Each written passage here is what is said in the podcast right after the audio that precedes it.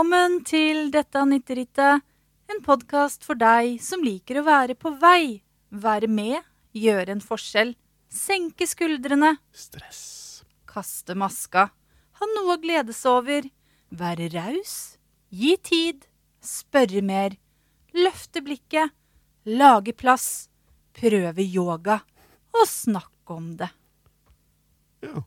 Den, den oppmerksomme lytter vil, vil kanskje i den introen ha kjensel på opptil flere av eh, den moderne staten Norge sine oppbyggelige slagord eh, til verdensdagen for psykisk helse eh, opp gjennom åra.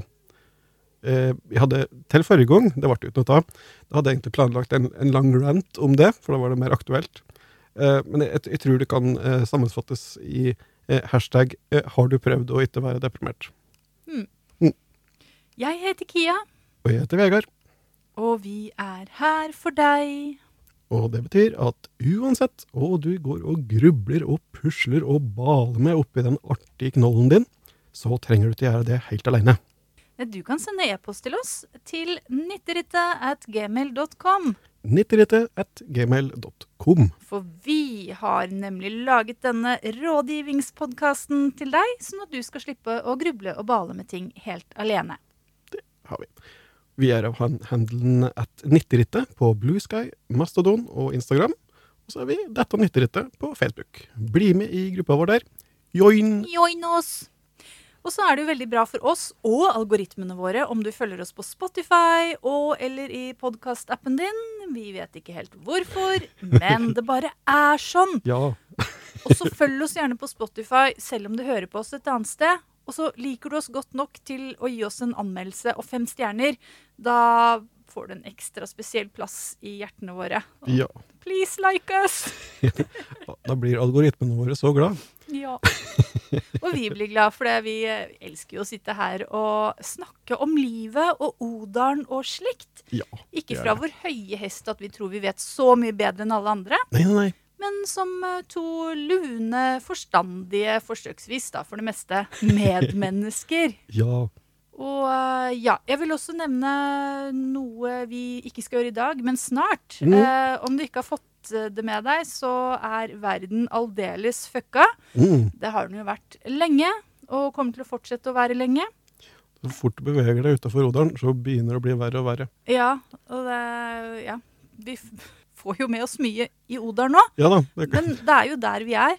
Og mange av oss sitter ganske trygt uh, i våre hjem og tenker det er sørgelig, stakkars dem. Mm. Det var ikke meningen å begynne å uh, sitere dikt, men uh, det passa jo veldig bra.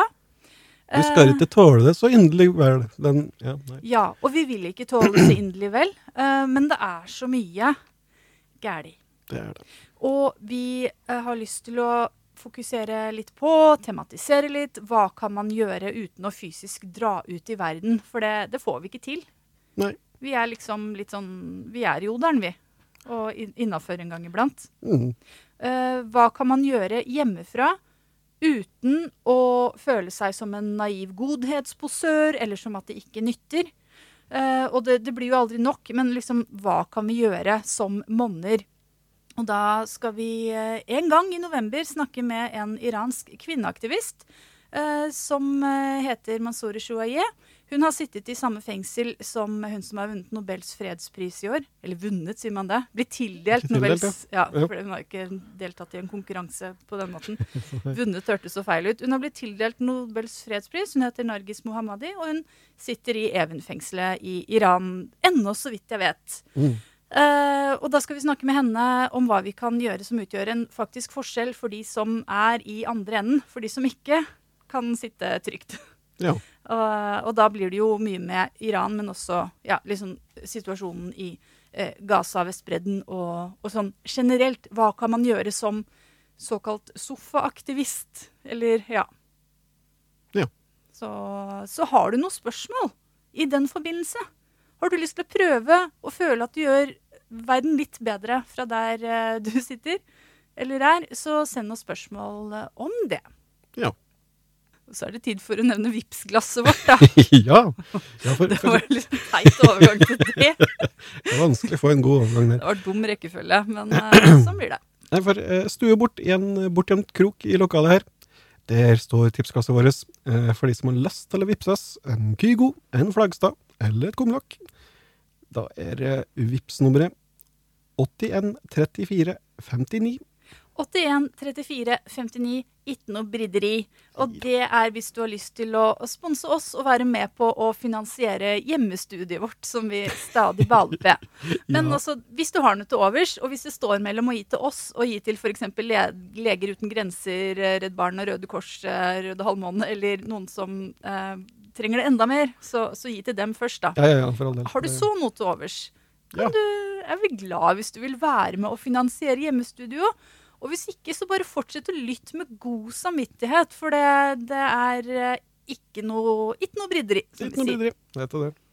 Eh, vi kan jo ta litt eh, Heimestudio nytt, da. Det er Ja, jo litt en fast, fast spalte der. Tenker folk lurer fælt. ja. Jo, nå har vi fått eh, return label, eh, som er det returlapp heter på dansk, eh, fra Dan. Og vi har klart å pakke sammen alt utstyret og sette på returlappen. Og jeg har aldri brukt så mye teip i hele mitt liv. Og vi har sendt pakka i retur, så nå går det virkelig på skinner her. Eh, så får vi se da om vi får igjen penga, eh, slik vi håper.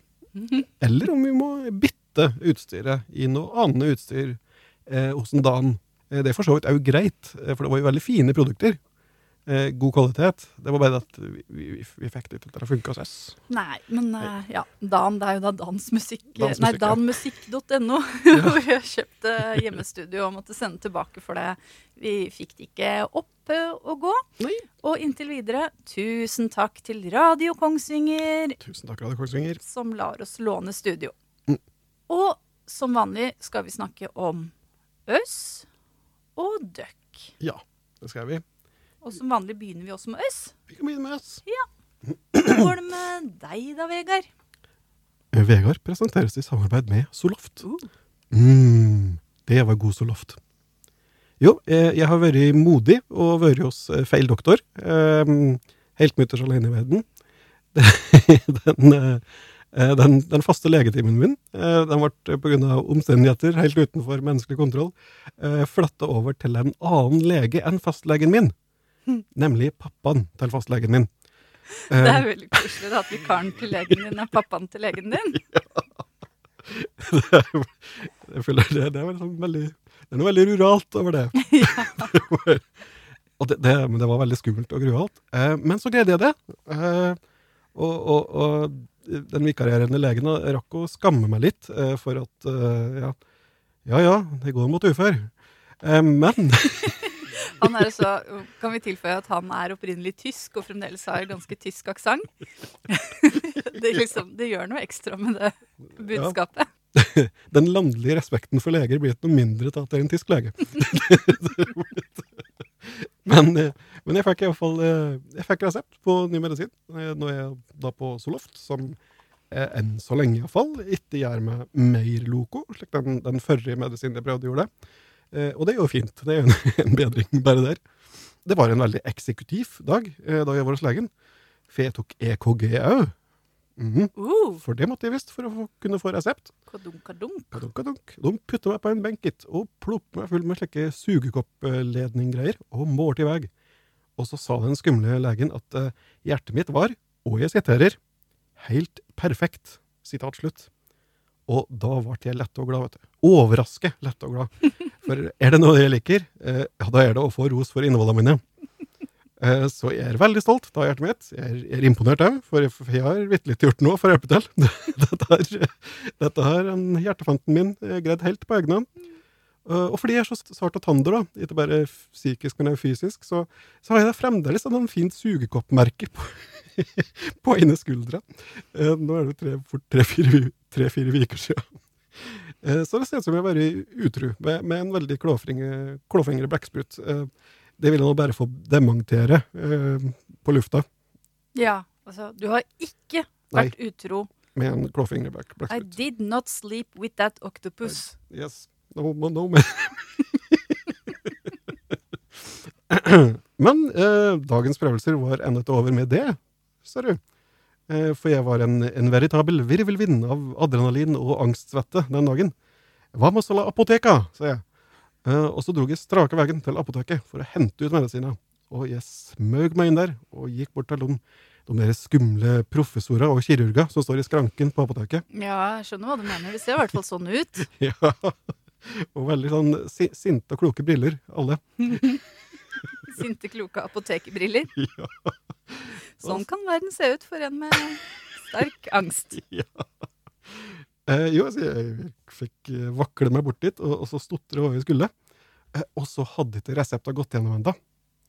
Og det er jo krise for en, en, en sjarmerende angstklump som meg. Mm. Men for en gangs skyld da, så, så var min favoritt i fight or flight-modus, nemlig freeze. Um, freeze var til hjelp, for det gjorde at jeg ble stående i stedet for å bare gjøre kanonkule eh, gjennom nærmeste vindu.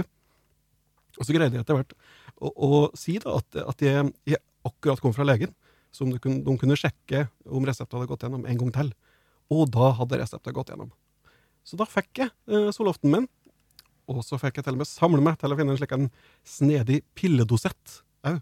Det er jo like gjennomsiktig plastboks med individuelle luker til piller gjennom uka, som du skal ta hele uka. Det er, det er som en julekalender, bare at det er for piller.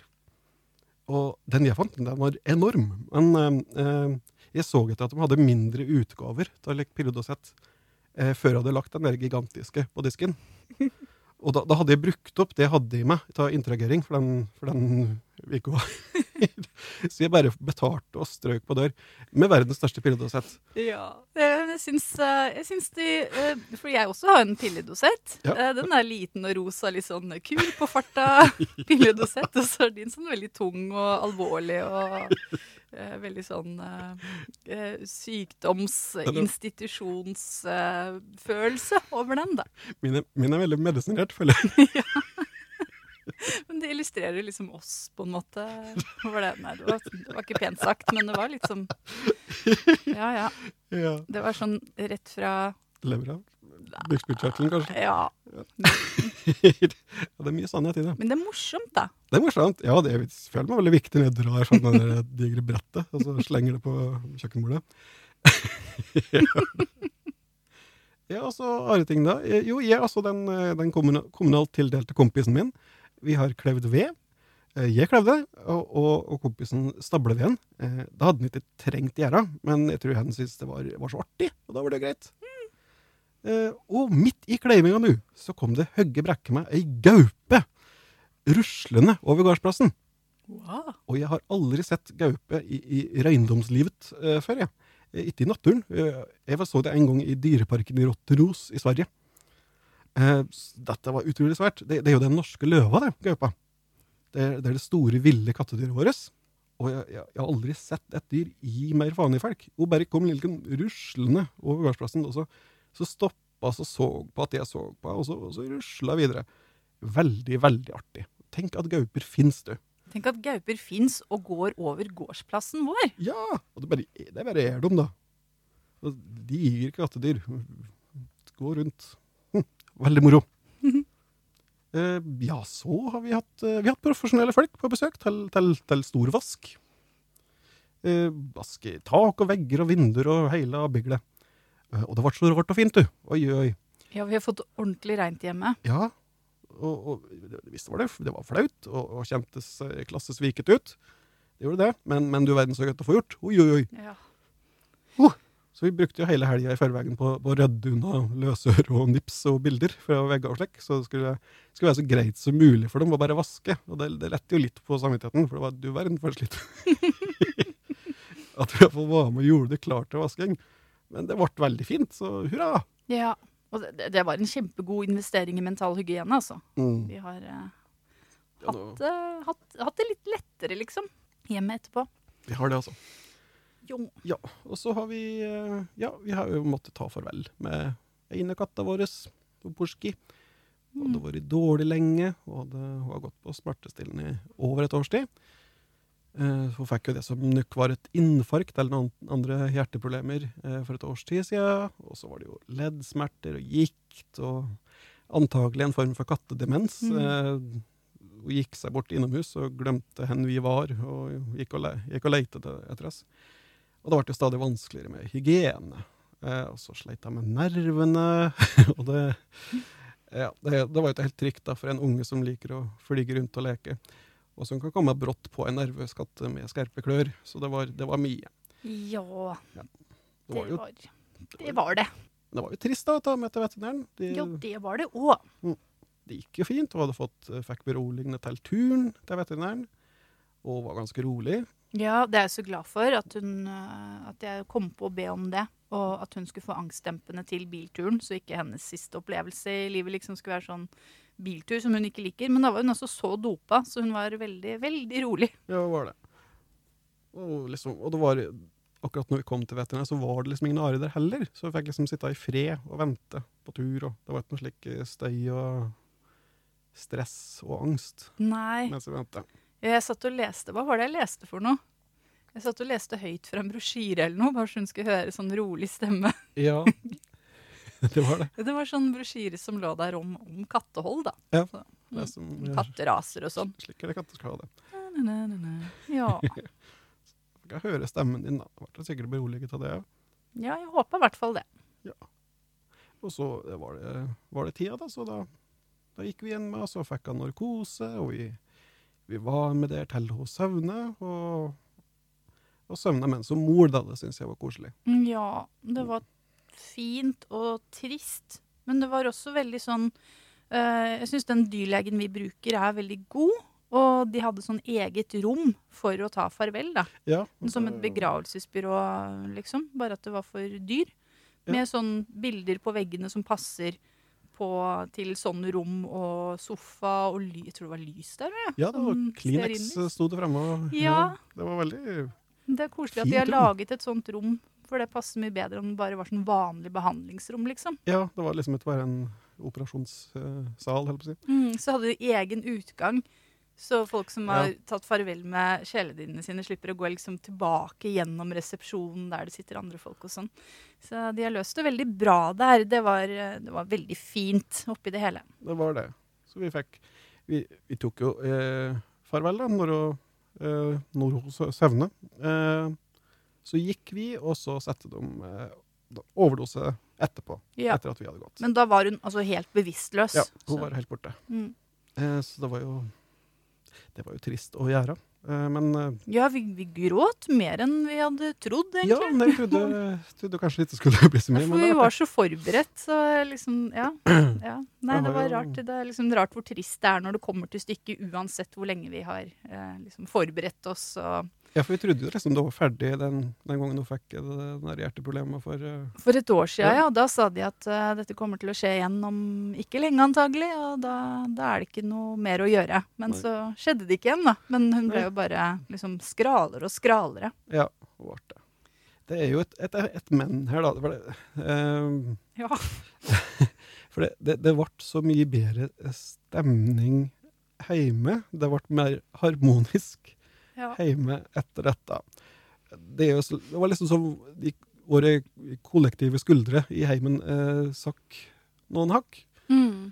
Så det kjentes jo som det var ei- bør som lette.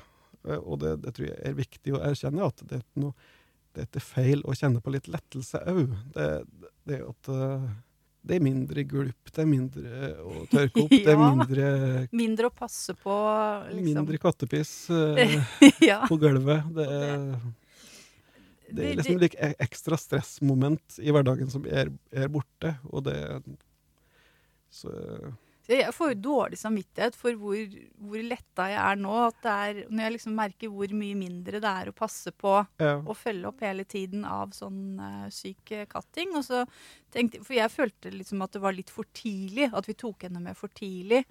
Eh, Blant annet fordi hun hadde så god appetitt ennå. Så jeg tenkte hvis hun hadde hatt dårlig matlyst, så hadde det liksom vært lettere. Men hun, det var liksom det hun hadde å glede seg over. Så hun spiste og spiste. Jeg åt jo hele tida. Ja. Eh, og derfor tenkte jeg at ja, vi kunne jo gitt henne noen måneder til, da. Men så, når jeg merker nå hvor stor forskjell det er, så tenker jeg at det, ja, vi ble nok litt sånn blinde for hvor dårlig form hun egentlig var i. Ja, vi gjorde nok det, altså. Så det, jeg skammer meg over å, å lette er eh, nå. Er det at vi Altså, skal ikke tvile på at vi var glad, ja. Vi likte å ha der, men du verden, så Mm. Den er veldig merkbar, den forskjellen nå. At det er liksom lettere stemning hjemme, da. Det er Ja. rart. Ja, Samtidig som vi savner henne og snorkinga hennes. Og. Ja. Mm. Savner å høre snorkelyden fra stresslessen på aften. Mm. uh, og ja, vi måtte jo da introdusere vår mektige datter for uh, Døden? døden. Ja. Og det, det tok hun pent, for å si det slik. Det er jo og vi sa at Porski var død, så spurte jeg å, da kan jeg få hamster, da.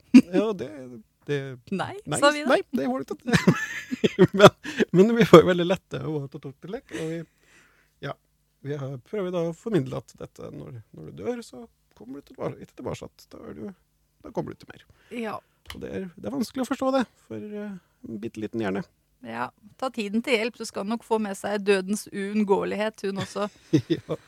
Men jeg er glad hun tok det slik nå, at, eh, for det, det virker liksom som hun skjønte at uh, Porski kommer ikke tilbake. Ja, Så det er jo det er ja, sånn hell i uhell, holdt jeg på å si, eller silver lining, da. At uh, den katten var ikke noe glad i henne, og hun var Nei, hun Dermed ikke så veldig den. glad. Så, den, den katten, den andre katta vår, og Minni, det, hun er, har mye bedre forhold til vår mektige datter. Så det, det er de som har med noen å gjøre og kommer og hilser på noen. Og slik. Så det Ja, men jeg tror fremdeles hun har mer lyst på en hamster.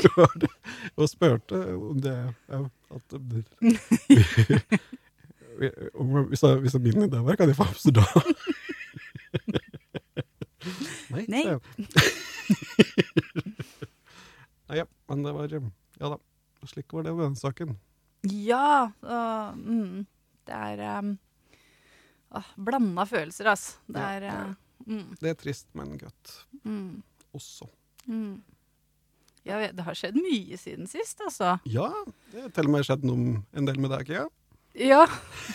Jeg har jo Oppi alt dette så har jeg vært ekstra Kia. Kia har gått i overdrive. uh, ja, enda en rar overgang. Ok, det har skjedd mye. Eh, jeg var jo syk også, så derfor så har vi hoppa over en episode. Det er en måned siden vi var her sist. Mhm. Så jeg tror jeg skal bare holde meg til noen sånne høydepunkter. De to uh, største høydepunktene, da. Uh, jeg har holdt i en ekte menneskehjerne. Og jeg har debutert ja. I, eh, debutert som burleskartist. Så Ja. det, er liksom, det er overskriften, da. Jeg forteller det med hjernen først, for det gidder jeg ikke fortelle så, så mye om. Det var jo opplæringsøyemed, da, i og med at jeg tar eh, kognitiv nevrovitenskap eh, dette semesteret, så må vi lære om hjerneanatomi. Det er vanskelig å gjøre på sånne todimensjonale bilder, for hjernen er så innmari tredimensjonal. og liksom Strukturene i hjernen går inn i hverandre og utover innover der. Medialt og ventralt og dorsalt og lateralt. Og Oi, ipsilateralt og kontralateralt. og, og dermed så tilbyr de da en, et kurs på disseksjonssal på Rikshospitalet. Ja, for det, dette var liksom i undervisningssammenheng. Det var ikke noen som kom på døra vår og sa har har lyst- har lyst til å se en hjerne? Og det er liksom eh, det det er veldig fint å tenke på at folk som har donert kroppen til forskning, til medisinsk forskning, de har ofte hatt sånn De, de har et sterkt ønske om det. Det er liksom en egen prosess for å få donert kroppen til forskning. Så de har jo fått Det er liksom godt å tenke på at de hjernene som jeg har holdt, eh, de har, eh, de har hatt et ønske om det. Ja, ja. Ja. Eh, de menneskene som de var en gang. Og det var veldig lærerikt, så det var veldig nyttig. Og det var squishy. Så, så Ja. det taktile syns jeg faktisk var det vanskeligste. Men da heldigvis så var det liksom ikke sånn Vi kunne håndtere de så mye vi ville, vi liksom ca. 30 studentene som var inni der på disseksjonssalen. Men vi måtte ikke. Så det gikk fint an å stå og se på at noen andre håndterte de, og liksom bare peke og sånn. Så, så lenge jeg slapp å holde så veldig mye i dem, så, så gikk det ganske greit. Og Det var ingen, det var ingen som liksom, liksom egna han opp til å sleike på han eller noe. Nei, de var veldig nøye på det der med at vi skal vise de menneskene respekt som har, eh, som har eid disse hjernene. Så det var liksom en lett stemning fordi det var så mye nerder der som gleda seg til å lære, men det var ikke noe sånn ha-ha, så eh, sjonglere med dem. Eller noe sånn. Så det var eh, veldig fint. Ja, jeg har litt sånn eh, det, liksom- donner de kroppen sin til forskning. Jeg, har, jeg tror jeg har Jeg vet ikke om det er gjengs, eller om det er like veldig eh, veldig odarsk eh, tankegang. Litt sånn Er den kroppen her nå ha, da? Jeg, jeg vil liksom, så spurte meg ville donere kroppen til forskning Nei, nei, dette er bare noen raske. ja. At jeg liksom hadde kjent litt Nei, det er ikke noe vits å Nei, gud. det var noe rask. Ja. Eh, det er litt At du skal, stas. skal være litt høy på deg sjøl for å donere kroppen din til forskning. tenker jeg. Mm, ja, det, jeg tror det er noe i det. At det er liksom litt ekstra stas å få donert kroppen til forskning, og det er faktisk folk som liksom er, er ekstra opptatt av det, som gjør det. Ja. Så ja. Og det gjør det jo lettere å være den som i øyeblikket forsker òg, og vite at det er noen som har Ja, det har liksom virkelig vært meninga. Mm. At det er med vilje. Ja. Eh, Da blir det litt mindre eh, vet ikke, eh, makabert, på en Ja. måte. Mm. det, er, det er slutt på det at de bruker forbrytere eh, til, til å vise fram Ja. kroppsdeler og slik. Mm, det er i så fall bare forbrytere som har Da er det bare tilfeldig, hvis de er forbrytere. Ja. Så det har jeg gjort. Så det var liksom en stor kontrast til eh, livet ellers. Ja, Eh, altså det, moro, da. Ja. Var, det, var, det, var det sånn var det sånn puddingaktig? Vil du beskrive ja det, er, det er liksom som man tenker seg. Ja, litt squish. Squishy. squishy? Lage litt sånn lyd. Um, For det ligner veldig på en blomkål. ja, det, er ikke, det, ja, det har ikke konsistens som en blomkål. Nei. Men en, altså, en levende hjerne er jo så mos at, den, at vi har jo strukturer inni hodeskallen som, eh, som holder eh, den oppe, da. For Mhm. ellers hadde den kollapsa inn på seg selv. Men når den er tatt ut, så blir den behandla med alkohol og hva heter det, sånn formalin. Ja. Og da får den en annen konsistens. Litt som kokt kylling, Ja, akkurat ja. Ja. men også litt blautere. Ja. For den ligger jo på, på vann. Ja, Eller på, i, i, i det Ja, på glass, da, antar jeg. ser jeg for meg. Som litt sånn, ja. Ehm, ja. Jeg ser Kia Frydes nå. Skal erindre opplevelsen av å ta på hjernen der. ja, og det, det som det ligger på, det, det lukter jo også mye, da. Så altså, det Mm. var jo også litt sånn at jeg hadde den lukta i nesa Ja, eh, resten av dagen. Så da ble det cola og sjokolade på toget hjem. ja. Sånn, sånn sjokolade med lakris i. Um, ja, men ja, squishy, og det datt av litt små biter. Litt små biter. Var det meninga? Liksom. Nei, altså det, ja, sånne små smuler, liksom. Hjernesmuler. Åh, Så det var liksom ingen stor Det var ikke noe sånn at hele frontallappen eh, ramla av eller noe sånt. prøvde å sette det bare sånn at de skulle, ingen skulle se at det Nei, dette, de ble bare liggende der. Den var slik. Ja, ja. Det, oh, det det var er Men så moro, da. Det er ofte er det du egentlig ser en hjerne. Du. Nei, det var, det var den gangen. Og jeg tenker at eh, sånn som jeg har planlagt livet mitt fremover, så blir det kanskje ikke flere ganger. For jeg har jo ikke tenkt å gå Nei. eh, mer inn i nevrovitenskap og en sånn medisinsk retning. Nei, Men det, har du sett den hjernen, vet du, så har du, har du. Ja, de er ganske like, faktisk. Eh, Det er så moro.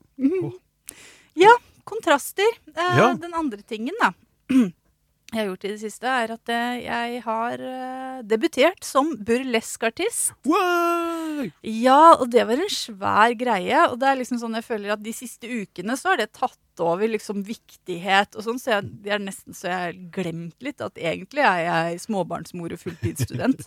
Eh, fordi Det har vært en burleskartist som studerer. i stedet for- Så har jeg en unge hjemme, da, men faren tar seg av den. Altså. Um, Burlesk enkemann. Ja. Uh, det passa seg jo sånn da, at det var, uh, var et kurs jeg kunne delta i som gikk på søndagskvelder. Jeg har hatt forelesninger mandager, så da var det liksom sånn eh, jeg liksom, eh, det, at, det å prøve burlesk har jeg liksom alltid sett på, tror jeg, som liksom regna med at det er noe jeg kommer til å gjøre før eller senere. ja, så da var bare tida Uunngåelig. Ja, da var bare tida inne nå. Vi hadde Det kurset endte i et show som var på Elsker nå på lørdag. Mhm. Eh, på innspillingsdagen er det tirsdag, og jeg har fremdeles ikke kommet meg sånn eh, fysisk eller mentalt. Eh, etter det eh, fremdeles litt sånn blanding av høy på meg sjøl og sosial hangover. Så jeg skal prøve å gjøre litt rede for denne reisen, da, uh, uten å uh, rote det til for mye. Men det er liksom Det er ikke helt sortert i, i min hjerne hva, hva jeg har vært med på. Men ja. Skal jeg prøve å fortelle litt om min reise til burleskscenen? Ja, gjør det. Mm.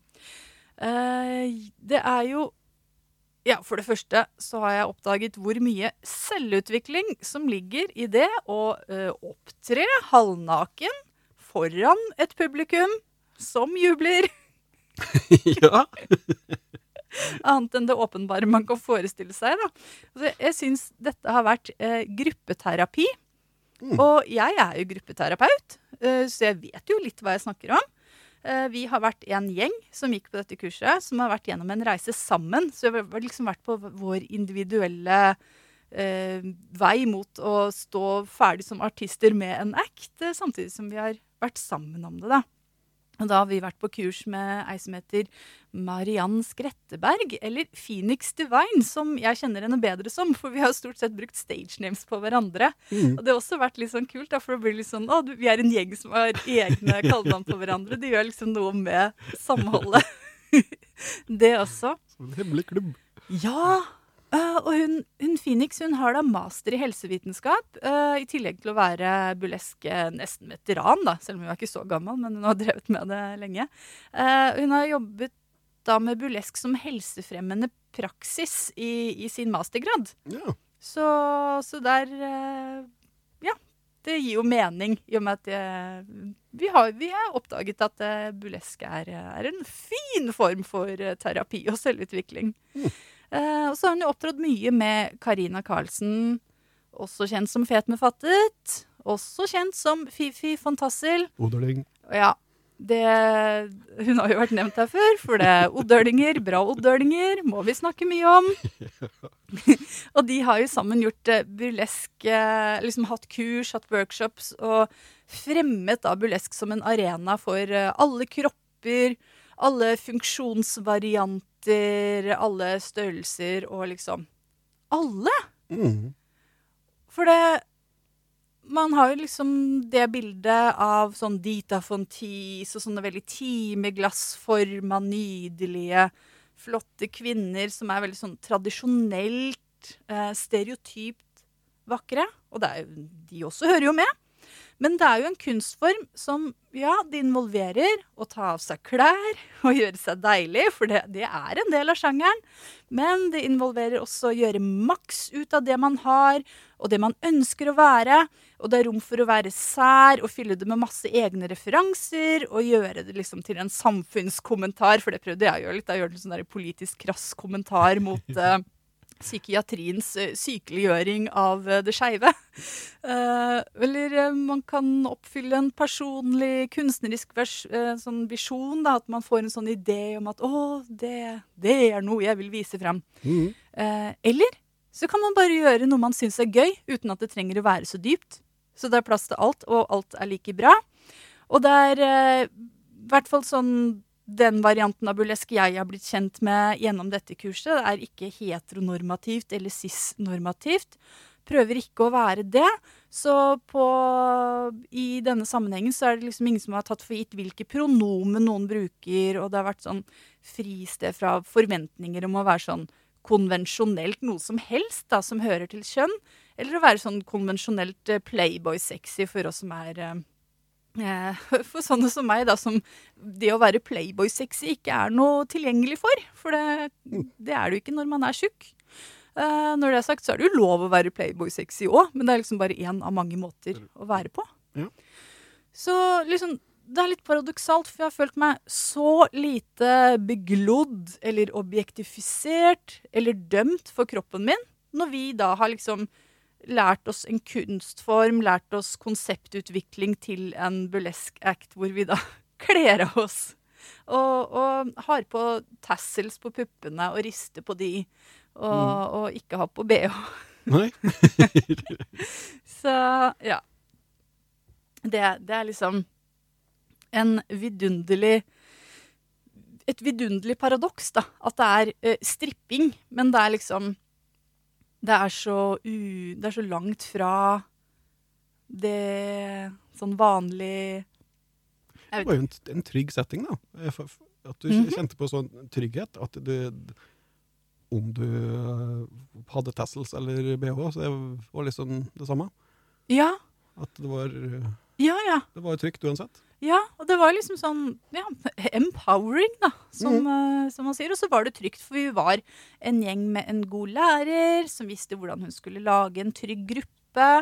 Uh, og det var liksom flere nivåer av erfaring i uh, gruppa også, da, for noen hadde vært litt på scenen før, og noen hadde vært mye på burlesk-scenen før, og noen av oss hadde aldri gjort noe lignende noen gang før. Og så hadde vi alle masse ideer og masse inspirasjon, og så visste ikke helt hva vi skulle gjøre med det når vi kom første gangen, og liksom jobba sammen med å bygge opp hver vår act. da, Ga tilbakemeldinger til hverandre og sånn. Uh, og så hadde alle Jeg er ganske sikker på at alle hadde i hvert fall noe av det. vi snakka en del om det. I hvert fall sånn tvil og nerver og indre kritikere som var med på reisen. Uh, sånn funker det her, da? Jeg kan ikke gjøre sånn. Nei, det var teit. Jeg får det ikke til. Og sånn. Det hadde i hvert fall jeg en god del av. Ja, Men du var, vi- ja. det var ganske, du var ganske nervøs eh, Jo. den dagen du skulle dra inn. jo, det var jeg. Jeg var veldig nervøs, og det gikk mye på det at jeg ikke er noe god på sånn sette sammen kostyme og Eller jeg skal ikke si jeg ikke er god på det, jeg har ikke øvd meg så mye på det før, da, så det ehm, Jeg var liksom veldig i tvil om det kunne funke, det jeg hadde av rekvisitter og kostymer. Men det funka. Det funka. Mm. Så det er liksom det. Man gjør det beste ut av det man har. Om jeg ikke er den beste til å sy eller brodere på masse perler og sånn, sånn som mange gjør, og ser veldig sånn gjennomført og flott ut, så funker det også. Alle har sin greie. Mm. Uh, så det er veldig kult. Og så vi fikk liksom hilse på hverandres indre kritikere, og, og så hjalp vi hverandre med å sette dem på plass. Mm. Så liksom gruppa var et veldig godt sted å gå til eh, når det var tvil, og når det var sånn Å, nå er jeg sånn stuck i et tankemønster som jeg bare må komme meg ut av. Eh, så ja, jeg hadde liksom sett for meg at det ville være litt sånn. At det ville være en frigjørende greie. Men jeg hadde liksom ikke forestilt meg hvor helbredende det ville være for sånn deler av meg som jeg ikke engang hadde kjent på eller tenkt at trengte noe påfyll. Eksempel sånn jeg er veldig god på ideer, og jeg kan være veldig i ideenes verden, men så sliter jeg litt med den sånn fysiske tilstedeværelsen, sånn eksekutive funksjoner og, og gjennomføring og sånn. Men en burleskartist må være i den fysiske verden. Ja. Lage kostyme, øve koreografi og liksom På den måten så ble jo dette nesten sånn der mindfulness-trening for meg. Eller sånn der tvinge meg til å forholde meg til den fysiske virkeligheten. da, Når jeg bare ville sitte med ideer og sånn. Og, og ja, overføre Overføre det til virkeligheten i en trygg setting. Så mm, Og så blir det kanskje lettere når de, da, de har jo eh, stage name, names, da. At ja. det, det er en, at det er en eh, ja, Om de lever ut en del av deres egen personlighet og låsen her, så er det kanskje lettere for ja, Jeg heter Modig, men eh, med amygdala hun er modig. ja. At dette blir liksom, dette, er- dette er jeg som gjør det, det er hun som tar over. Og det, er- hun får til. ja, ikke sant? tenkte du noe slikt i det? Ja, for det, det er litt sånn skygge, skyggearbeid nesten, da, selv om det er ikke en Ja, jo, men det er det. det er, så hvis jeg skulle stått der og vært Kia Martinsen på scenen, så hadde det vært litt annet å ha rumpa bar, på en måte. Mm. Uh, så det at vi har stage names Vi er oss selv på, i en annen variant, føler jeg. Eller vi leker at vi er noe i en annen rolle, men vi har henta den rollen fra noe i oss selv. Så det er på en måte en måte å være mer seg selv, mm. om du skjønner. Ja. I en annen variant. Å være liksom rå og drøy og ja uh, intens. Og, og det kan ikke bli for mye. Når du har scena, så kan ikke det, du kan ikke gjøre for mye ut av deg i, i det formatet der. Eh, Det er, det er veldig reparerende for folk som har eh, ja, blitt sosialisert som kvinner, eller eh, er blitt, blitt fortalt at de er for mye. Ja. mm. Og så- ja. Og det, det at da publikum Publikum kom, det var masse folk der. Mange. Det var mange der det gikk overskudd. Vi tjente penger på det. Betalt. Ja! det visste ikke jeg, det hadde ikke jeg sett for meg. Eh, fordi dette var et kurs som jeg betalte for, fordi jeg hadde lyst til å lære om burlesk og lage en act. Jeg hadde ikke sett for meg at jeg skulle få betalt for å ta av meg klærne på en scene. Nei, Nei, det fikk vi altså. Det var liksom eh, Vi var jo en god gjeng, så det gikk såpass i overskudd at vi fikk en liten sånn slant hver, da. Ja. Litt ekstra lommepenger denne måneden. um, ja, nei, jeg syns det var supermagisk, og det var liksom Det var supermagisk å ha opptreden på scenen foran sånn jublende publikum. Og improvisere masse greier der og da. Jeg hadde en hodeskalle som liksom representerte en 30-talls psykoanalytiker, da. Så det var egentlig Freud, da, med briller og sigar. Ja, vi prøvde å lage Freud. Ja. Eller- Du var jo med. Du klippa jo konfetti og ja, var med det. og så liksom moro. Med. rekvisittlaging. For, det, for det, der utfylte vi hverandre veldig fint. At uh, vi har ADHD-en din, og så har vi Tentativ ADHD, takk. og den tentative autismen min. Som uh, jeg liksom eh, Evigvarende oppgaver som ikke krever noe særlig. Det er veldig god. Mm. Så å sitte og klippe konfetti, ja, midt i blinken for meg. Da var du veldig zen. var det ikke sånn. Um, ja, nei, så den sigaren den ble jo mer enn en sigar på scenen, da, Ja. for å si det sånn. Så det var eh, Det er vel kanskje sånn eh, du måtte ha sett det greie. Det er litt vanskelig å beskrive hva, hva som skjedde med den sigaren. Men ja, altså, det var én ting, da. Å liksom Ja. oppleve det på scenen. Eh, og så var det en annen ting å være backstage å være en del av en gjeng å låne sminke og hårspray og glitter av hverandre. Og alle skinte på hver sin måte og hadde hver sin act og sitt helt eget konsept. Eh, og så var vi en gjeng hvor liksom alle var hovedperson hver for seg. da, For vi hadde jo liksom hver vår tur på Ja, scenen. I, I spotlighten, ja. Ja. Uh, og det var, liksom, det var så reparerende, for uh, jeg er jo en ganske sosial og utadvendt person nå, men jeg, jeg var jo ganske sånn Jeg har opplevd mye mobbing og utestenging i ungdommen. Mm. Kanskje tidlig voksendom også. Uh, og det var liksom reparerende for den delen av meg som aldri var med på noe sånn, men bare drømte om det da jeg Mhm. var sånn fra mellom 10 og 20 år gammel. da. ja. Så ja. Terapi. Terapi. Jeg har vært i burleskterapi. Sånn, ja, vi gråt etterpå. Sånn gode tårer, da, flere av oss. Som sto Mm. bak og hadde sånn debrief og gruppeklem. Og jeg sa altså 'Jeg er glad i dere'. og jeg mente det òg. Jeg mener det. og ja, det var, det, jeg savner dem allerede. Men vi skal møtes igjen fordi det ga mersmak. Så det er ikke bare det at jeg har prøvd en greie, uh, og det var lol, og da var det gjort. For det, nå er jeg burleskartist. Ja, Jeg skal det. gjøre det igjen. Så ja, det var fint å Funnet ditt uttrykk. Ja, det er det det er. Det er en kunstform man kan putte masse greier i. Så det er liksom finne en ehm, Finne en sjanger eller noe som det passer, hvor jeg kan putte inn masse ideer jeg har ikke funnet noe format for før. da. Ja, ja. Sånn. Genialt, altså. Så jeg liksom, jeg må ta av BH-en, da. Men uh, Ja, ja. det hører med. Det skal være slik, si. ja. Det skal det jo. Ja, for det er, ja, så det er liksom sånn, Jeg vil ikke Jeg vil møte meg selv litt i døra på det, for jeg vil jo gjerne være sånn sexpositiv og sånn, men så har jeg tenkt mye at eller vært veldig sånn Ja, men dette er ikke stripping, altså. Det er ikke sånn, altså. For det, da, liksom, da snakker jeg ned de som driver med den sjangeren. Ja. Så ja. Det er eh, Men jeg føler liksom at det Det er Det er jo sunt å møte seg sjøl i døra iblant, og, og tvinge seg sjøl til å tenke, eh, tenke nytt og, og, og kritisk på meninger du har hatt, Ja. og Ja. utfordre de litt. Ja, for jeg trenger ikke insistere så veldig mye på at det ikke er stripping. Eh, selv om det er en, en annen form for det. Eh, men jeg syns at det, liksom det med det erotiske og sensuelle, det er en del av sjangeren. Men for meg så var liksom ikke det det viktigste.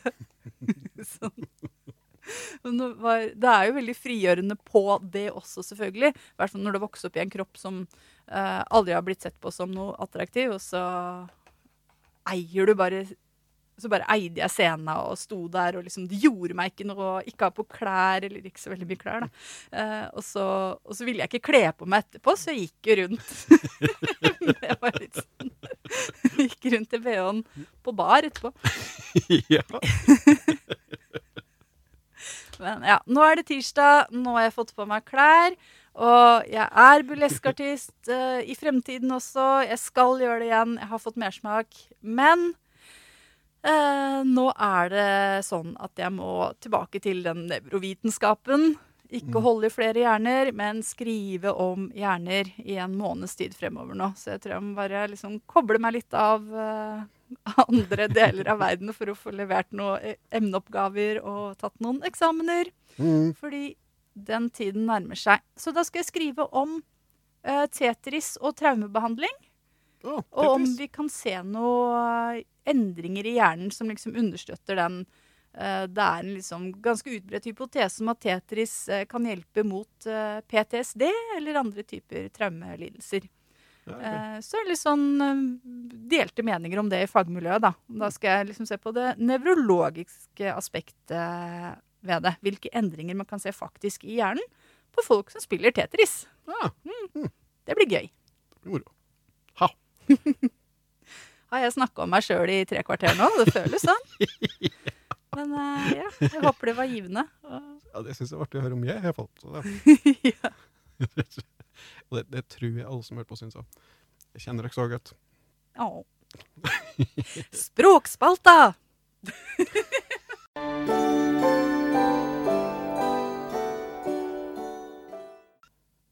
Da er det tid for språkspalte.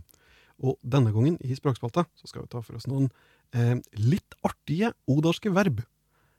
Og, og de blir, de blir bygd på en slik eh, kanskje litt overraskende, til og med interessant måte.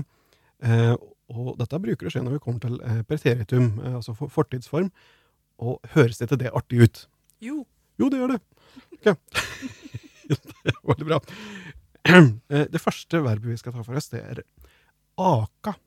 Og akkurat her så bør jeg kanskje forklare betydningen. Det, det er også det å, å ferdes på, på, på ski, eh, kjelke, vogn eller slede, den slags.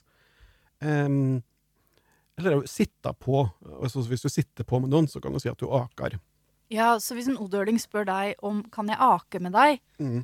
eh, så betyr ikke det at de vil ake kjelken nødvendigvis. Kanskje de bare vil sitte på i bilen din? Ja. Eller har du en kjelke, så kan du ta med en at de- det er det er kjelke de prater om. Kan jeg få aka, sier de. Du, må- du må vurdere konteksten. ja, du må se den. da begynner vi altså med aka. Og bøyinga er da som følger. følger. Aka. Aker. Følg med. Ok. Har øki. Er ikke det moro? Jo. Hvorfor blir det sånn? Nei, hvem veit? Ja, ja. Hvorfor sier de ikke akte? Akte? Ja, nei, si det. Dette er jo den eldre versjonen. Nå, nå, nå for tida så er det sikkert noen som sier akte. Mm. Men dette er den Det er kjett, ja. Det er sånn ok. Det er ok, men det går. Det er veldig fint. Ha. Det neste verbet, det er kjøpe. Altså tilegne seg noe monetært. Og her skjer det noe artig. Nå skal vi høre. Det går da slik. Kjøpe. Kjøper. Kjøfte. Har kjøft. Ete det artig? P-en blir til en F. Og ja, nå nesten hører jeg språkfolka slør krøll på seg, tar fryd og kroer seg altfor derve. Eh, dette liker de. Men vent, festkvelden er enda ikke over. Det siste verbet, det er hjelpe. Og det er det som kommer til å skje her, da, mon tru. Nå skal vi se. Det er hjelpe, hjelper, hjerte, har hjert. Nei, nå gir meg helt over. Tror du ikke LP forandrer seg til RT? Er ikke det fantastisk artig? Hurra! Å, å, det syns jeg er så fint. Det Hvor blir det av P-en? Det vet ikke jeg. Hvor blir det av L-en? Nei. Det er bare kutter vi ut, og så bytter vi ut med en annen. Ha. Ja, nå er det nok mange som sliter med å beholde roen der ute, i de, de tusen eh, eh, poddlytteheimer. Eh, så, så det er nok best å runde av spalta for denne gangen. Eh, om de kjenner noen språkfolk, så, så er det nok best at, du, at de går og ser til dem nå. For nå, nå etter denne episoden her, for nå, nå, nå trenger, de, trenger de hjelp. Kanskje de trenger at du har hjertet Ja. Løft blikket. Løft blikket. Så eh, jeg vil minne om at det, det er mulig å komme med innspill og ønsker til språkspalta. Eh, det gjør de på samme vis eh, som de gjør til de andre spaltene våre. Eh, at de sender en e-post til oss på 90 gmail.com. Nitterytte at gmail.com. Og gjerne da merke til språkspalta, eller noe i den dur.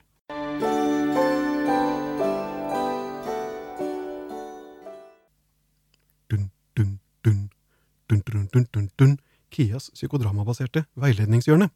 Dun, dun, dun. Dun, dun, dun, dun, dun. Ja, velkommen til min spalte. Jeg vil ikke være noe dårligere. Hvis Vegard skal ha egen spalte, så vil jeg også ha min og snakke om mine ting. Skal være rettferdig. Ja, da mest om eh, psykodrama, som er eh, noe av det viktigste jeg driver med som psykodramaterapeut. Og da, i dag vil jeg fortelle om to ting. Og det ene er liksom forlengelse av eh, at jeg fortalte om min veldig morsomme helg. Ja. Fordi på lørdag dansa jeg eh, burlesk eh, på Elsker. Og på søndag hadde jeg en rolig dag i Oslo. Bodde på hotell, lå og dro meg, så på bloggerne. det, var, ja, det, var ikke, det var mye gode sminketips der, da. Ja. Når jeg liksom driver med sånne Det var, ting. det var research. Ja, det var research. Ikke forstyrr, det er research. Tenkte jeg skulle begynne med å forberede meg på, på det vanlige livet. Ja. Og gjøre litt sånn skolerelaterte ting. Så jeg dro meg over til Deichman i Bjørvika. da, Satt der med laptopen min og liksom mest eh, Skrev ikke så mye, men liksom satt med fingra over tastatur og Det så veldig viktig ut. prøvde å komme tilbake i den studentmodusen. Ja. Og eh, da så jeg en ung mann jeg kjente igjen, som eh, forfatterdebutant Oliver Lovrenskij. Som Ja. jeg kjente igjen fordi jeg har sett ham på Lindmo nettopp. Jeg pleier ikke å se ham på Lindmo, men når han var der for noen uker siden og snakka om eh, boka si og livet sitt, så gikk det jo mange meldinger rundt omkring i psykodramamiljøet. For da fortalte han om sin bestemor, Jana Baba Jana. Ja. Og Jana var jo min lærer. Mm. Og hun var jo så viktig for meg og for så mange andre mennesker i psykodramamiljøet. Eh, og da på Lindmo da, så satt eh, Oliver Lovrenskij, 19 år gammel forfatterdebutant. og Temmelig kritikerros, det har jeg fått med meg. Jeg har ikke lest boka hans ennå, men det må jeg jo. Eh, og fortalte om hvordan Jana, hans bestemor, hadde liksom Hun døde jo altfor tidlig, når han fremdeles var veldig ung. Mm. Men liksom, sånn som han fortalte, så kjente jeg igjen det med at han, hun var et anker i livet hans. Han hadde litt sånn urolig ungdomstid og ja. Eh, det så ikke ut som det kom til å bli noe forfatter av han en stund, antagelig. men, eh, men så tror jeg det var noe med at han, selv om hun var borte, så hadde han det ankeret inni seg. Mm. Eh, som Jana var. Og Jana var jo ikke min bestemor eller i min familie, men som min lærer, som min psykodramalærer og mentor og til stede i livet mitt, så kjente jeg igjen at Jana har vært et anker for meg også. For eksempel da vi gifta oss, Vegard, så var jo Jana der. Og det var liksom, jeg hadde ikke noen foreldre som kjente meg godt nok til å holde tale om meg. da Moren min er død, og faren min var der. Han holdt sånn toastmaster-type tale. da mm. og sa at uh, vi har aldri fått noen klager for deg, og du har alltid vært høflig og grei og sånn. Uh, og da, da reiste Jana seg, så holdt hun en tale om meg, som handla liksom om hvordan jeg er. Og da, så da liksom hadde hun den på en måte foreldrerollen i bryllupet. Eh, så det liksom Det beskriver litt min relasjon til henne. Mm. Eh, og hvordan hun For jeg var jo en ganske ustadig ungdom, jeg også. Eh, og sleit med å gjennomføre ting. Gjennomførte ikke videregående. Og begynte jo da på Psykodramhøgskolen og liksom kom inn på sånn særskilt egnethet, da, fordi man skulle jo egentlig ha gjennomført videregående. Eh, og liksom hadde mye sånn der selvdestruktive greier som ikke å møte opp i klassen og ikke levere inn obligatoriske oppgaver og sånn. Og hun var Hun liksom dro meg gjennom det på en sånn uh, mild, men streng måte. Mm. Fordi jeg slapp ikke unna. Jeg måtte gjøre alt obligatoriske. Men hun var så tålmodig. Hun liksom så meg gjennom alt det derre tullet jeg drev med. Som hvem som helst andre ville blitt skikkelig utålmodig med, med god grunn. Men hun liksom eh, Ja, hun klarte å ikke bli så fanga av irritasjonen av at jeg ikke fulgte opp og sånn. Og hun så talentet mitt Ja. og, og så meg. Og så takket være henne da, så klarte jeg å gjennomføre. Og uh, leverte da uh, regissør, psykodramaregissøreksamen i 2013. Og det er liksom det høyeste nivået eh, Og Da har man lov til å kalle seg terapeut Mm. når man har utdannet seg til det. Men fremdeles da i 2013, når jeg leverte eksamen, så var det mye sånne der praksisting som jeg ikke hadde gjennomført ennå, eller som jeg hadde gjort, for jeg hadde hatt grupper. Det var obligatorisk å ha eh, grupper og ha praksis før man fikk helt godkjent gjennomføring. Man måtte, måtte også ha gjensidig veiledning med andre psykodramatikere og sånne ting. Og så måtte man ikke bare ha det, man måtte levere inn dokumentasjon på at Ja. man har gjort det òg. Og der stoppa det for meg. Liksom å få det skrevet ned og få orden over det, og fysisk, altså sende det i en mail til skolen. Så det tok jo flere år. Og jeg gikk gjennom sånne gamle meldinger jeg hadde med Jana. Eh, hun var så tålmodig med meg, og hun skrev det ned og liksom maste litt om Kia, nå må du levere, nå må du levere, så du kan få eh, vitnemålet ditt. Ja. Ja. Og det, jeg faktisk fikk ikke ut fingeren før etter at hun døde. Dessverre. Det skulle jeg likt liksom å fått gjort før, men sånn er jo ikke livet. Det er ikke sånn som på film, da. Men i hvert fall. Uh, alt dette ble jeg minnet på når jeg så hennes barnebarn. Som jeg husker hun prata om for lenge siden, at han var en liten gutt som skulle synge uh, 'Jeg gikk en tur i skogen', og, og så sang han «Tutu, tutu, tutu, tutu, tutu». Og nå er, nå er han en 19 år gammel sånn der, eh, forfatterdebutant da, som satt eh, på Deichman og leste Freud.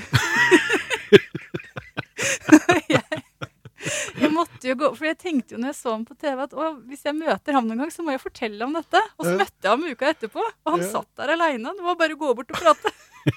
Han var veldig høflig, veldig høflig og dannet ung mann. Han har virkelig sånn der forfatterhabitus allerede. Veldig sånn tidløs, eh, tidløs fyr, altså.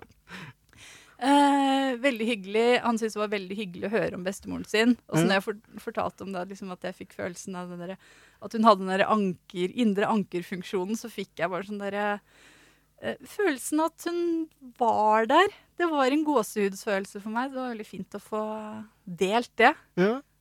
Og så syns jeg det er fint å dele det her i uh, spalta hvor jeg snakker om psykodramating. da. At uh, jeg håper, uh, håper flere så det intervjuet på Lindmo og liksom fikk sånn derre uh, følelse av uh, hvor bra, bra psykodrama er, fordi Jana er, var en psykodramalærer.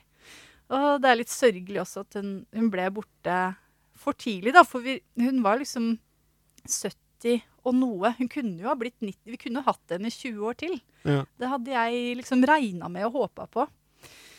Men uh, sånn ble det ikke. Men uh, mm, det var fint sammentreff, da. ja.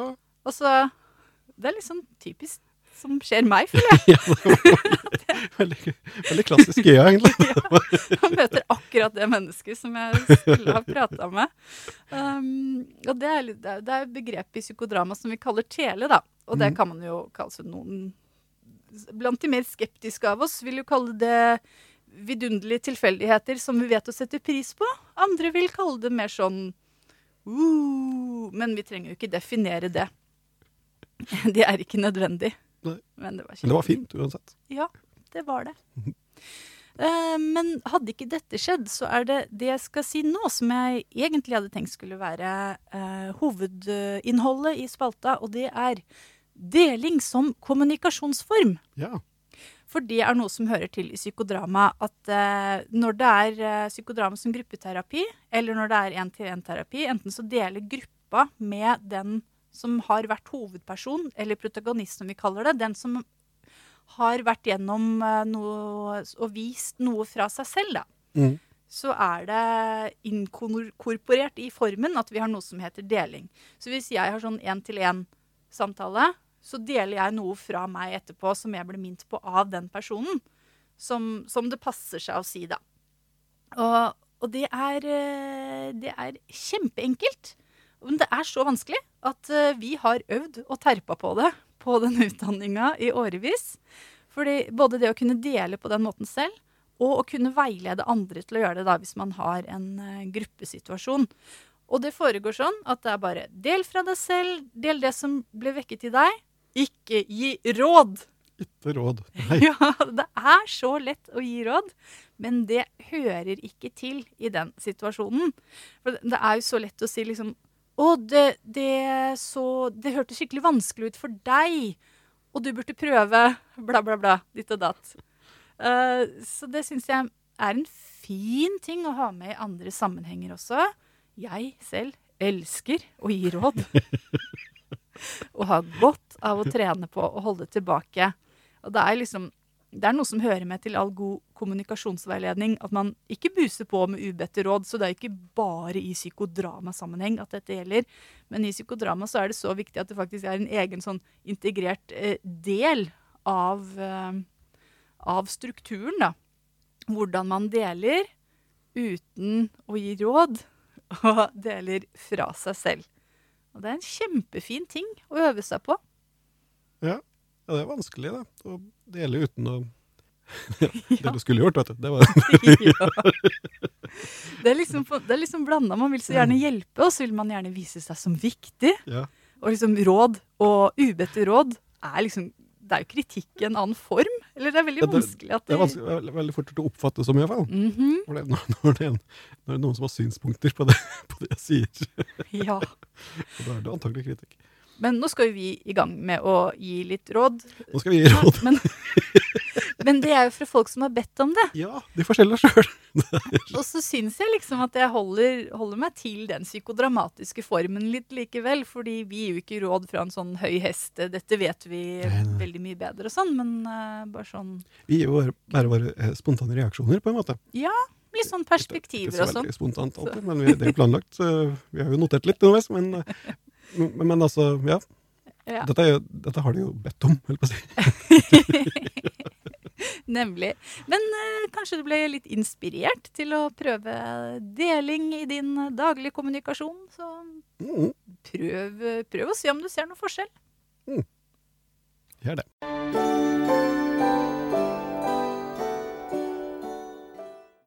Endelig har det blitt tid for at vi skal snakke om Dekk! Hurra!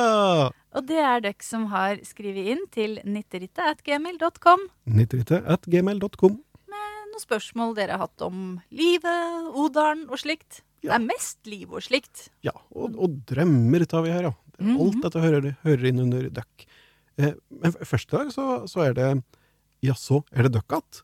Der vi tar imot eh, tilbakemeldinger. Og det er veldig hyggelig å få. Det er veldig moro. Og i dag har vi fått to. Det har vi.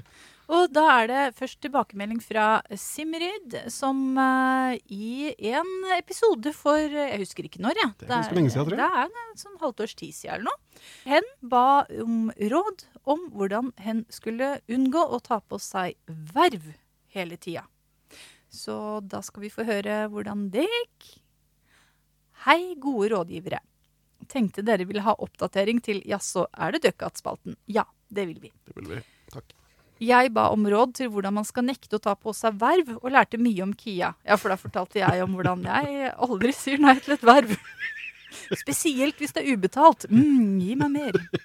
Aldri sagt nei til Aldri møtt et verb, verb du ikke har sagt nei til. Jeg blir så smigra. Nei, oi! Nei, ja, det er klart. Uh, ja. Men nå er valget over, eh, sier Simrid, og partiet mitt hadde en god framgang. Det er første gang mitt parti får noen inn i kommunestyret på 20 år. Så dette ble en fireårig forpliktelse, gitt. Mhm. Og da må man gjøre en god jobb for velgerne. Det betyr at man må gå inn i utvalg. Mm. Jeg har nå tatt på meg så mange oppgaver at jeg blir skremt av tanken. Følge med på kurs, eh, for jeg bør finne ut hva jeg holder på med. Ja, Så da ble det ikke bare vervet, men det ble liksom utvalg, og det ble ekstra kursing, og ja, mm, skjenk en eh, tanke til en stakkar som tidlig i år sa OK, jeg kan stå på førsteplass hvis ingen andre vil. Takk for flott podkast. Med vennlig hilsen Simrid. Eh, Konklusjonen her vært eh, blir da det ville sitet. Ja, du får, du får gjøre det beste ut av det. Jeg husker ikke hva slags råd du fikk, men vi har tydeligvis ikke klart å hjelpe verken deg eller meg selv, som eh, fremdeles eh, sliter veldig med tida og kalenderen og energien etter eh, alt jeg sier ja til. Men da får vi kalle det felles skjebne, felles trøst, Simrid. Og kommunen din er heldig som har deg. Det er det. Så det er i hvert fall en silver lining. Vi har fått eh, flere tilbakemeldinger. Ja. Vi har en til her. Eh, Det er en tilbakemelding fra eh, Ludvig, som skrev til oss og ba om råd i forbindelse med ei- tilstelning han hadde lyst til å dra på, men så var usikker om det var verdt å dra på aleine, og å ta seg råd, og litt slik. Da får vi høre åssen det gikk. Hei igjen. Her kommer en oppdatering fra Ludvig. Jeg endte med å ikke dra, fordi det kosta litt mye penger, og fordi jeg var for sliten. Men så gikk Adrian ut av Stjernekamp. Mm. Og da det, og da gikk det helt fint, alt sammen. Ja. Nei da, men jo, litt det. Nei, altså det gikk bedre å høre eh, og få bekreftet fra dere eh, at bare det å prøve å utvide sosialiseringa si, er en win. Jeg blir nok aldri noen Solan, men kanskje en litt modigere Ludvig etter hvert. God kos. PS. Fire millioner poeng for verdens beste Byssan Lull i forrige episode.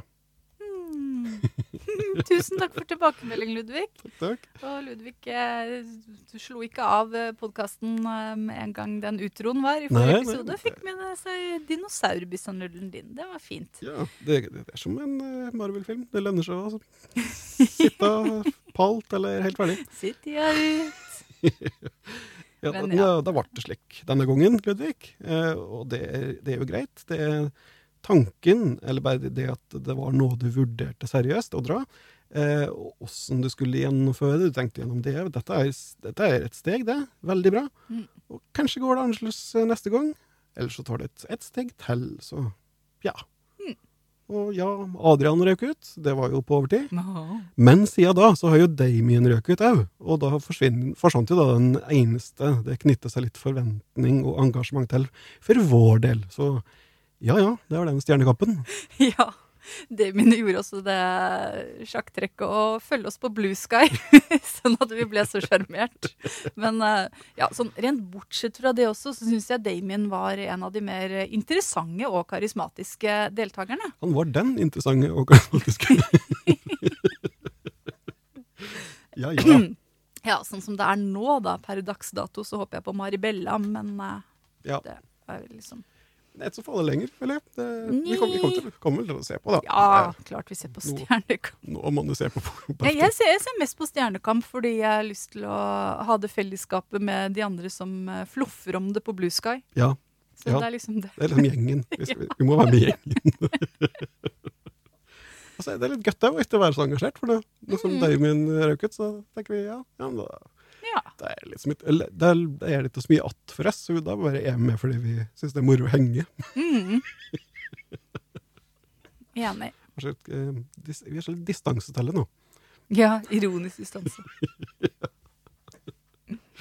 Ah, I natt jeg drømte noe som jeg aldri drømt forut. Det er jo da introen til I natt jeg drømte-spalta vår, hvor vi eh, leser opp eh, drømmer som dere har hatt om natta. Og eh, sendt inn til oss, og da koser oss med å prøve å analysere. ja! Og hvis du vil ha din drøm analysert, eh, ring inn, holdt jeg på å si. Skriv drømmen din til nitterittet at gmail.com. 98 at gmail.com. Mhm. Nå skal eh, jeg lese en drøm ifra Maika på Blue Sky. Eh, og Maika skriver Siden dette nitterittet vil ha drømmer. Jeg drømte nettopp om et vakkert trebord med små håndtak du dro i for å åpne en luke. Luka avslørte ikke bare et rom for oppbevaring, men skled fra hverandre i flere deler, Uh. som til slutt skled sammen igjen og ble et backgammon-brett. Jeg våkna dessverre før jeg skjønte mekanismene for eventuell gjenskaping i virkeligheten. Hilsen Maika. Du har, du har drømt om et, et transformersbord? Eller et, eh, kanskje bedre å kalle det et transamish-bord? Tankene vandrer hen til det, der, eh, det berømte amish-bordet til Kåre Vignes. Eh, og de som ikke kjenner til det, eh, les historien om amish-bordet. Det, det er mulig å bære tilgjengelig på den svovelpølen, eh, tidligere kjent som Twitter, men det er verdt gjennom, gjennomlesing. Så søk opp eh, K. Vignes eh, og amish-bordet der. Eh, nei, og kan det bety, da? Du har mange skjulte talenter som bare venter på å bli oppdaget av deg eller andre.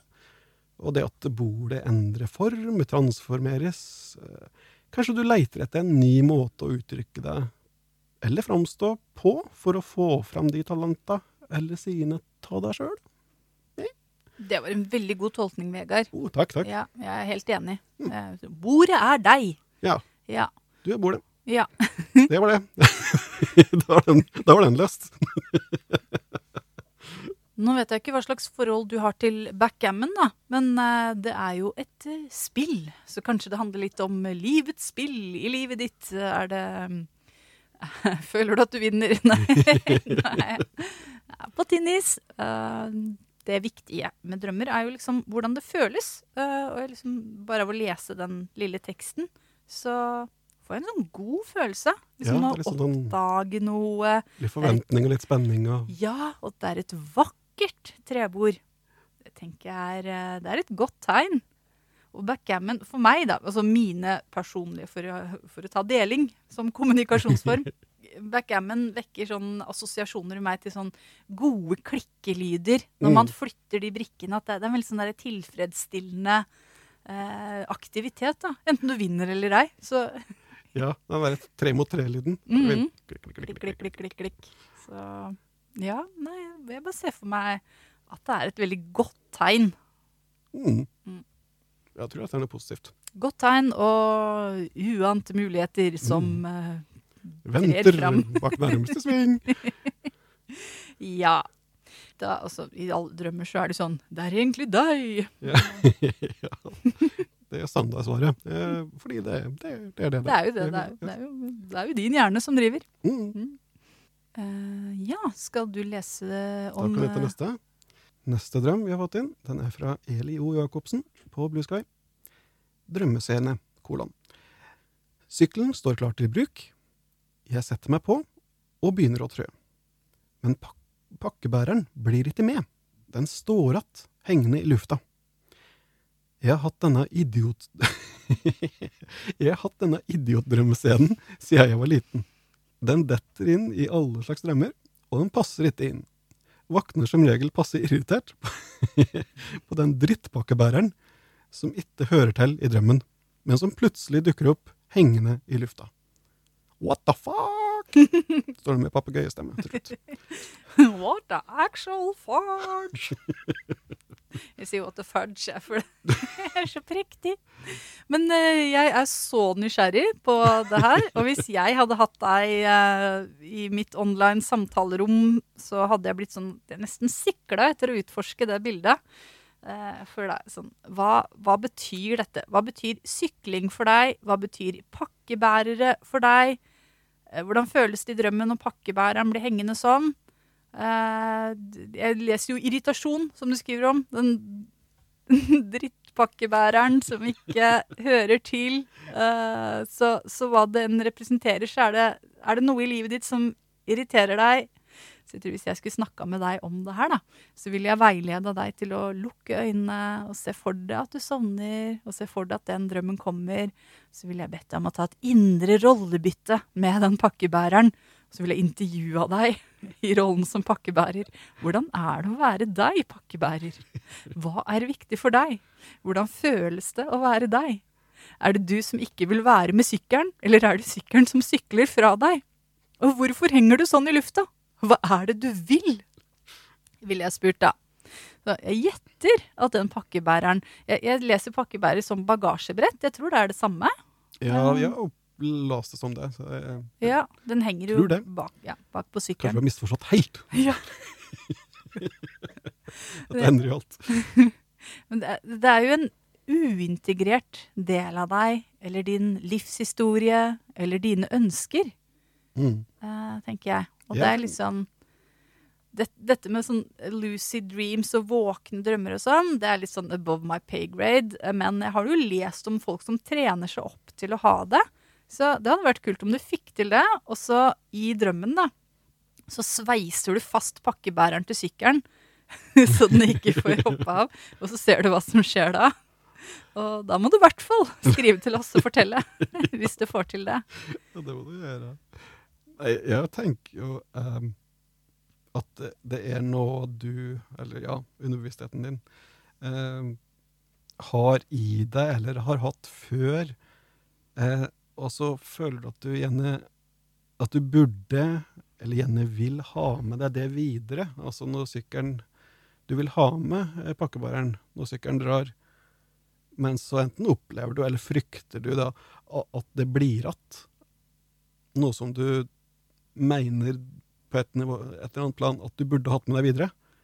Eller at du er redd for det, at det vil forsvinne liksom i, i mylderet av nye opplevelser og øh, oppgaver. Mhm. Det er veldig mystisk drøm. Ja. Interessant tolking. Mm. Og ja, det virker ikke urimelig. Men uh, Ja. vi veit jo ikke. Vi vet dette. Dette er, øh, trekker vi direkte til rumpa. Ja, det gjør vi jo. Men uh, skriv inn da, hvis du, hvis du drømmer mer om den pakkebæreren, og det kommer noe mer mening fram. Ja, gjør det. Vi, vi venter spent på neste episode om pakkebæreren. Ja. Vi har tre drømmer denne gangen. Jeg tror det er rekord. Ah. Uh, og neste drøm handler om høsten. Oh. Hei, hei, står det. Gudskjelov at det blir episode igjen. Det har vært et så kjedelig liv uten. Å, det er godt å bli savna. Så koselig. Nå har vi 23 eh, tidligere episoder da, som det går an å høre på i mellomtiden. Dette er den 24. Ja. Så, Så i, med denne episoden så, så kan de lage en Dette nytter etter julekalender. Mhm. Da kan de høre på én episode. Begynner 1. desember. Høre på én episode hver dag. Og på denne episoden da er det aften god jul! god jul! Ja. Tilbake til drømmen. Ja. Jeg har en gjentagende drøm jeg gjerne vil at dere skal hjelpe meg å tenke noe om. Mm. I og med at jeg har forskjellige versjoner av den med jevne mellomrom, tror jeg den prøver å fortelle meg noe.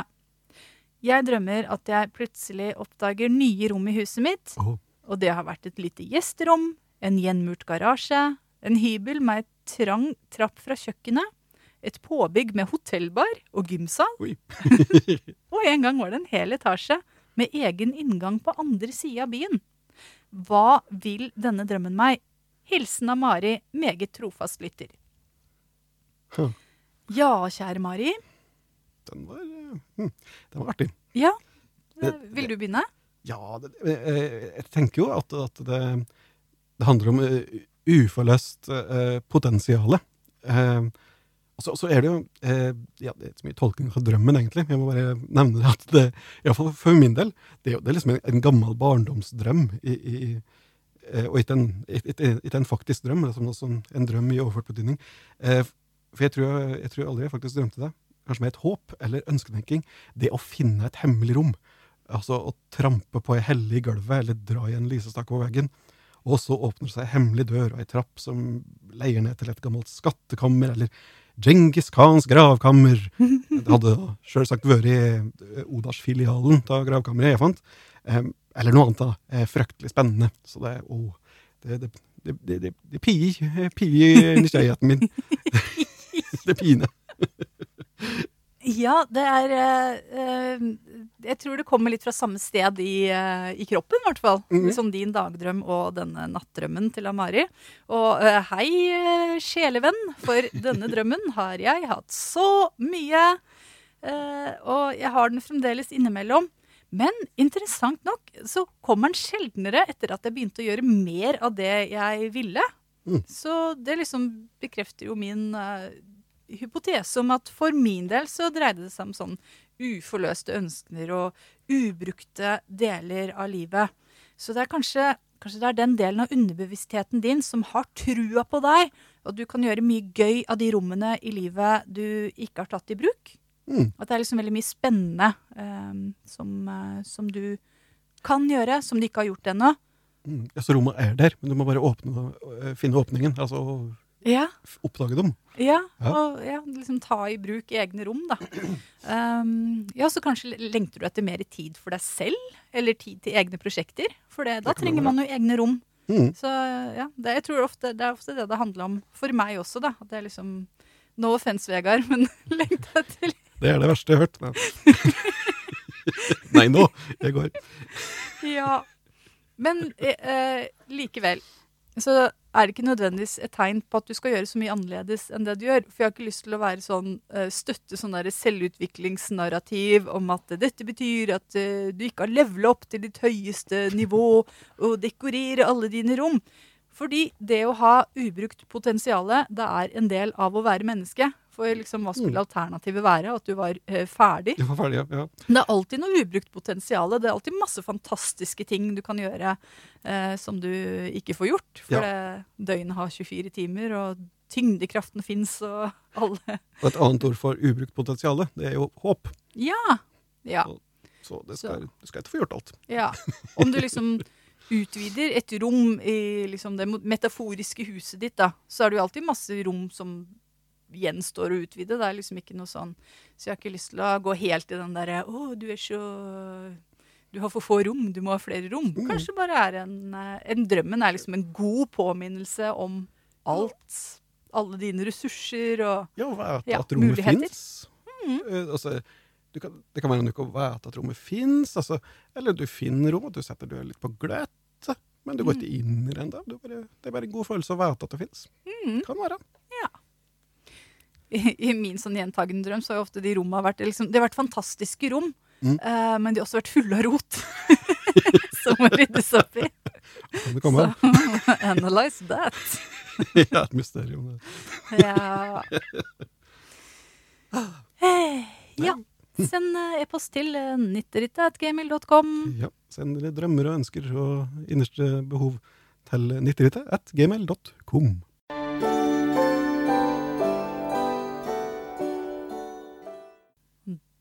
var det tid for lytterbrev. Det er det.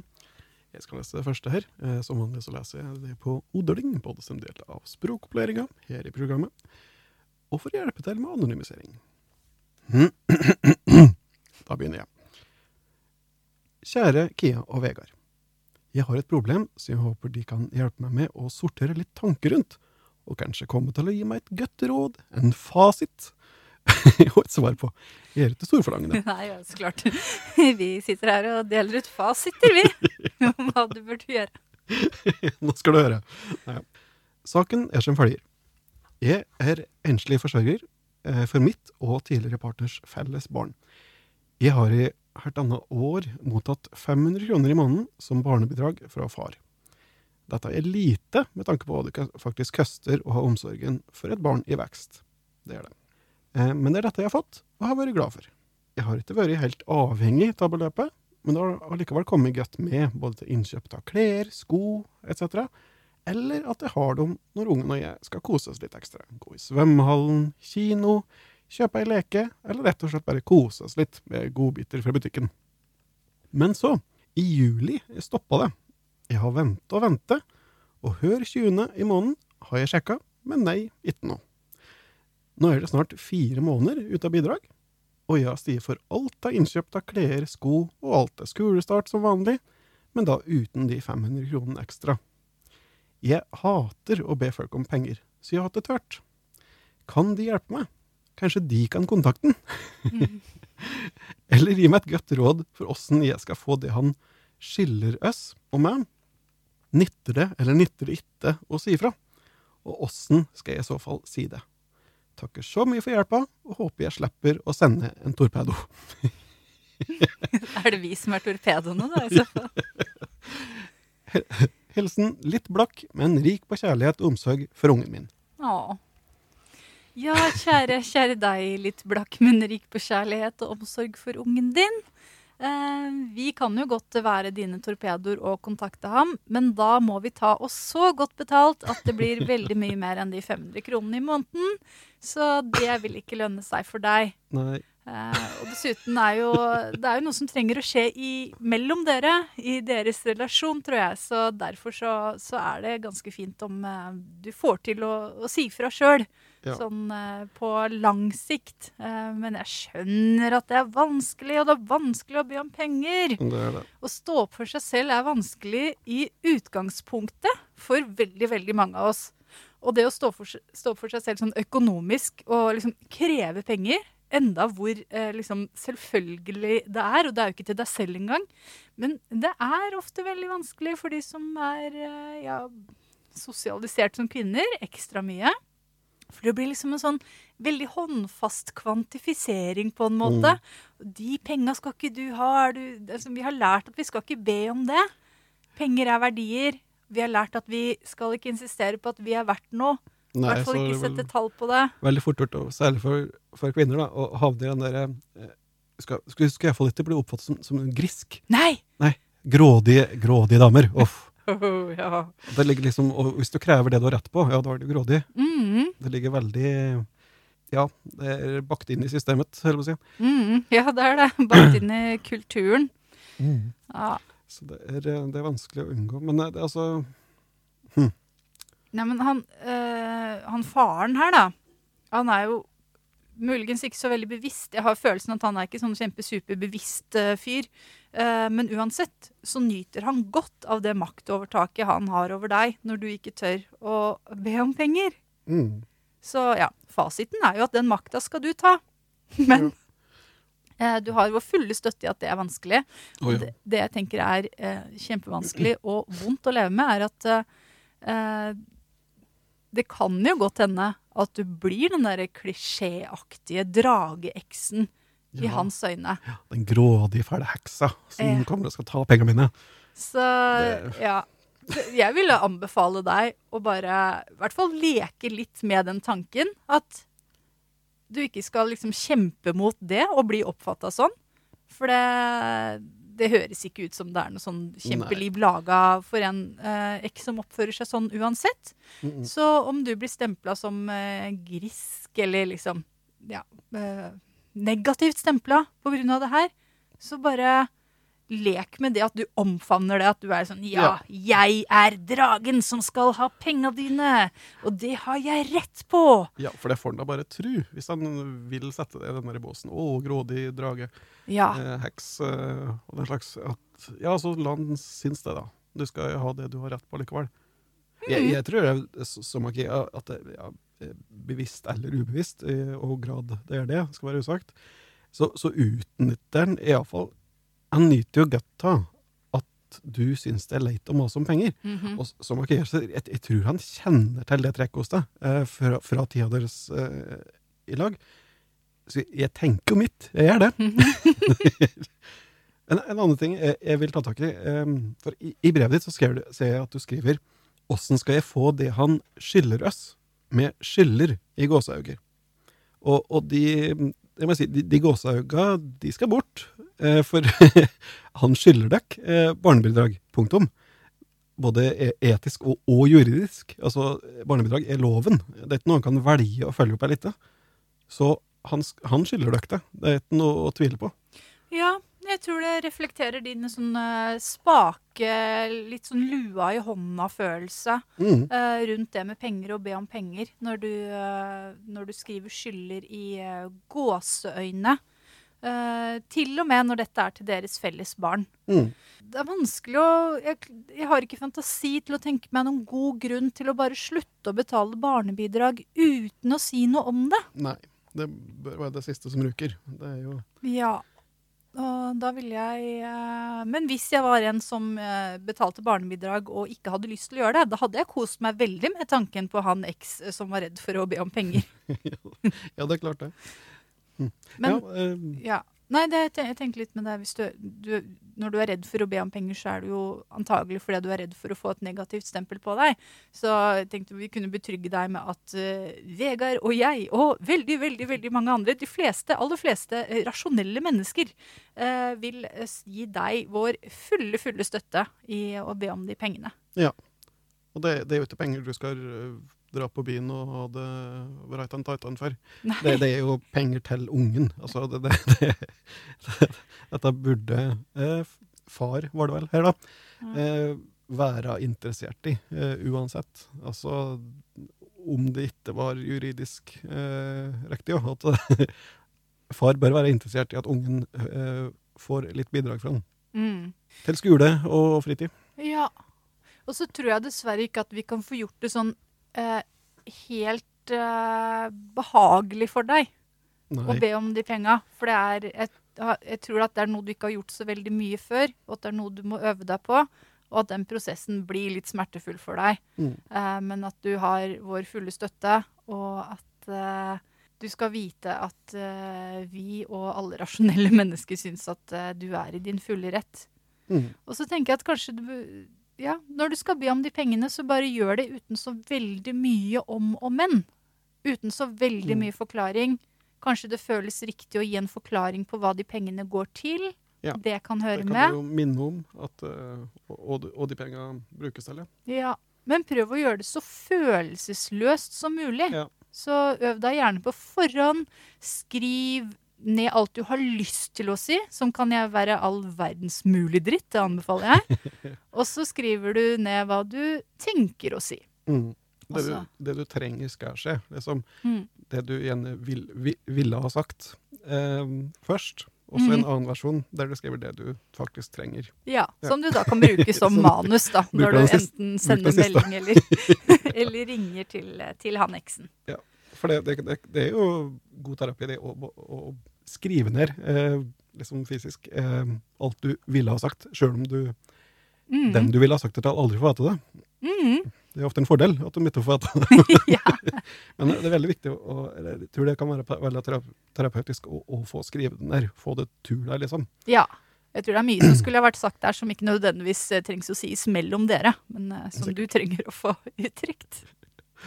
Og ja, om vi, om vi kan kontakte den, ja. Ja, eh, ja nei, jeg har jo lammende og sosialangst, da. Men eh, jeg kan iallfall ta på meg å, å ringe den, og så, så legge på før han svarer.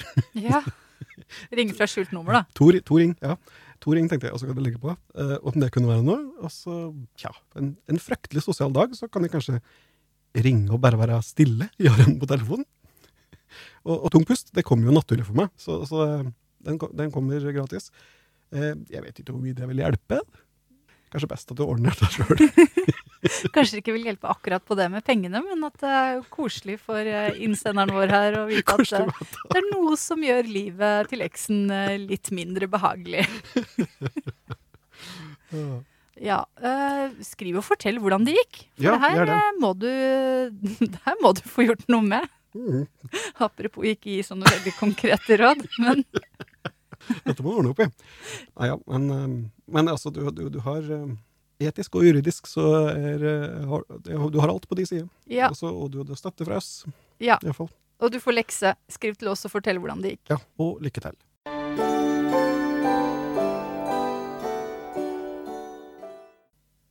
Det neste brevet vi har fått, eh, hadde emnetittelen Er verden kun for spesielt inviterte? Eller Det nådeløse arbeidslivet? Og det lyder sånn. Hei sann.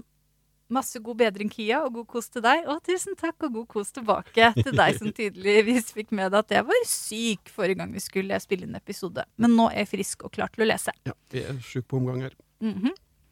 Hva tenker du og Vegard om det ordinære arbeidslivet?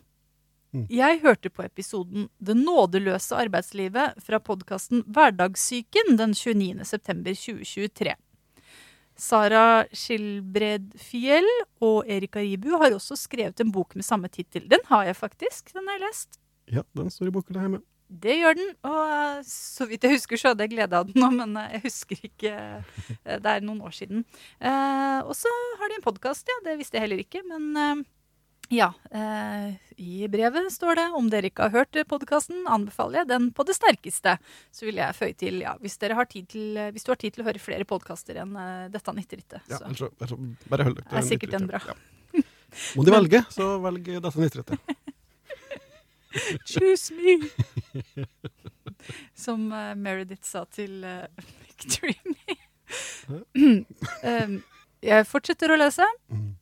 Etter å ha hørt og lest dette, har jeg virkelig begynt å tenke på hvordan arbeidslivet har blitt mange steder. Boka og podkasten handler om tanker rundt hvordan vårt arbeidsliv påvirker oss. Hva utgjør et godt arbeidsliv? Hva er konsekvensene av et dårlig arbeidsliv? Hva kan man gjøre? Hvorfor er det bare for oss arbeidstagere å skulle innrette oss etter arbeidsgiver?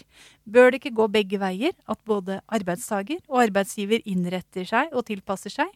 Hvordan få et mer helhetlig arbeidsliv? Hvordan få til balansen mellom personens behov og bedriftens behov? Har jeg som arbeidstaker noen betydning?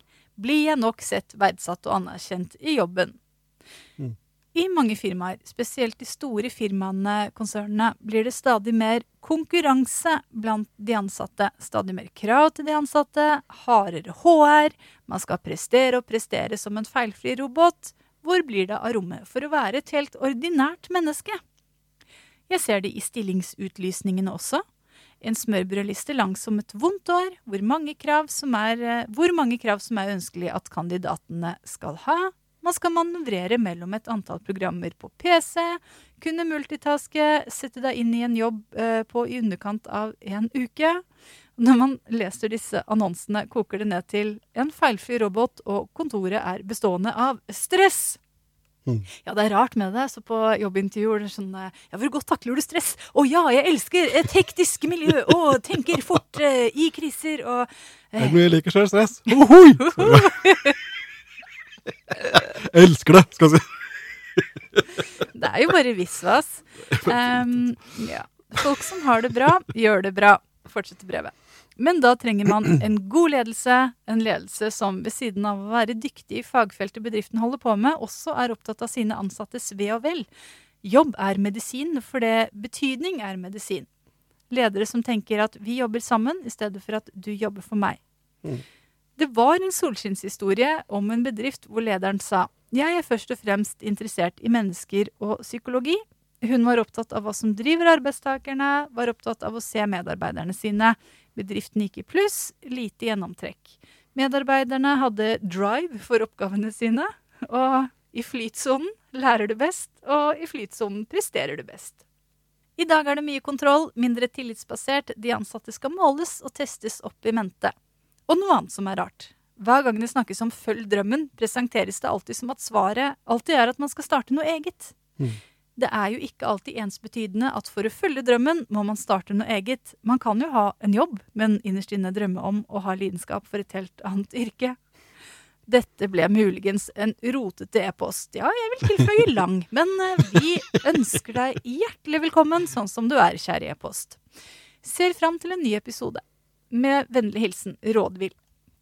Rådvill, vi er rotete mennesker, og vi liker rotete e-poster. Ja, Ja, og lange e-poster også. du er en av oss. Ja. Noe av det beste med denne var at du både spør og svarer på ditt eget spørsmål. Ja, det var veldig greit. Du kan bare klippe og lime her, så, så, så har du svaret. ja, for det, det er jo sant, det, det, altså Den solskinnshistorien du drar fram, det er liksom sånn drømmescenario. da. Mm. Eh, med at uh, arbeiderne får uh, tillit, uh, være i flyt og bla, bla, bla. bla, bla. Men altså, det går jo an å sende inn, sende inn brev eh, der det liksom eh, presenterer et problem, og, og eh, skriver dine tanker om det.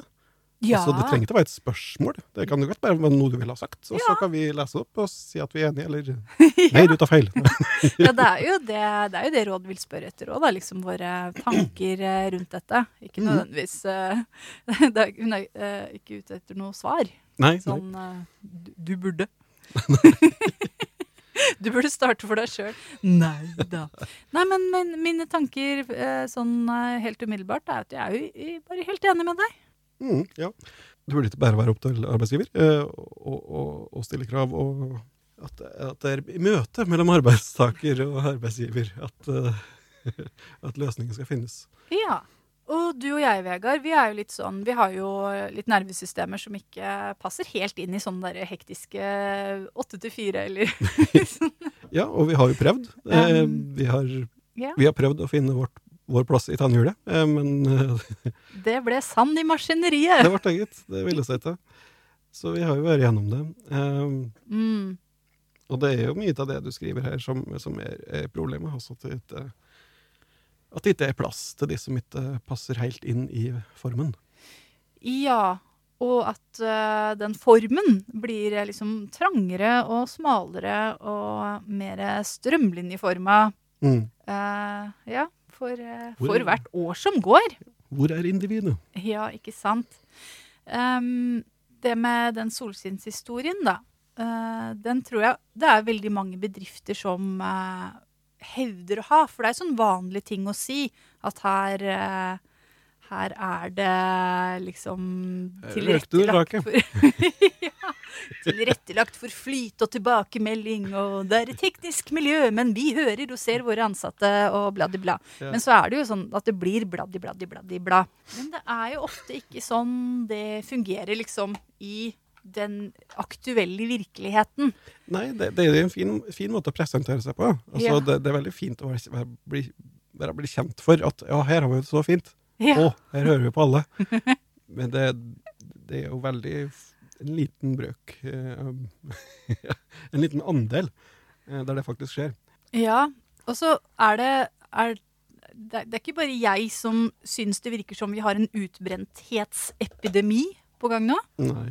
Eh, og det er jo liksom ikke bare masse individuelle mennesker som hver for seg har uh, opplevd å ikke uh, ha det som skal til. Det er jo en samfunnssykdom, Mm. ikke en individuell sykdom.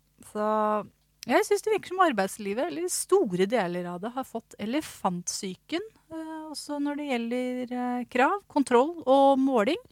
Og liksom det ekte og meningsfulle arbeidet forsvinner, enten man er lærer eller helsearbeider eller kunderådgiver eller hva man enn er.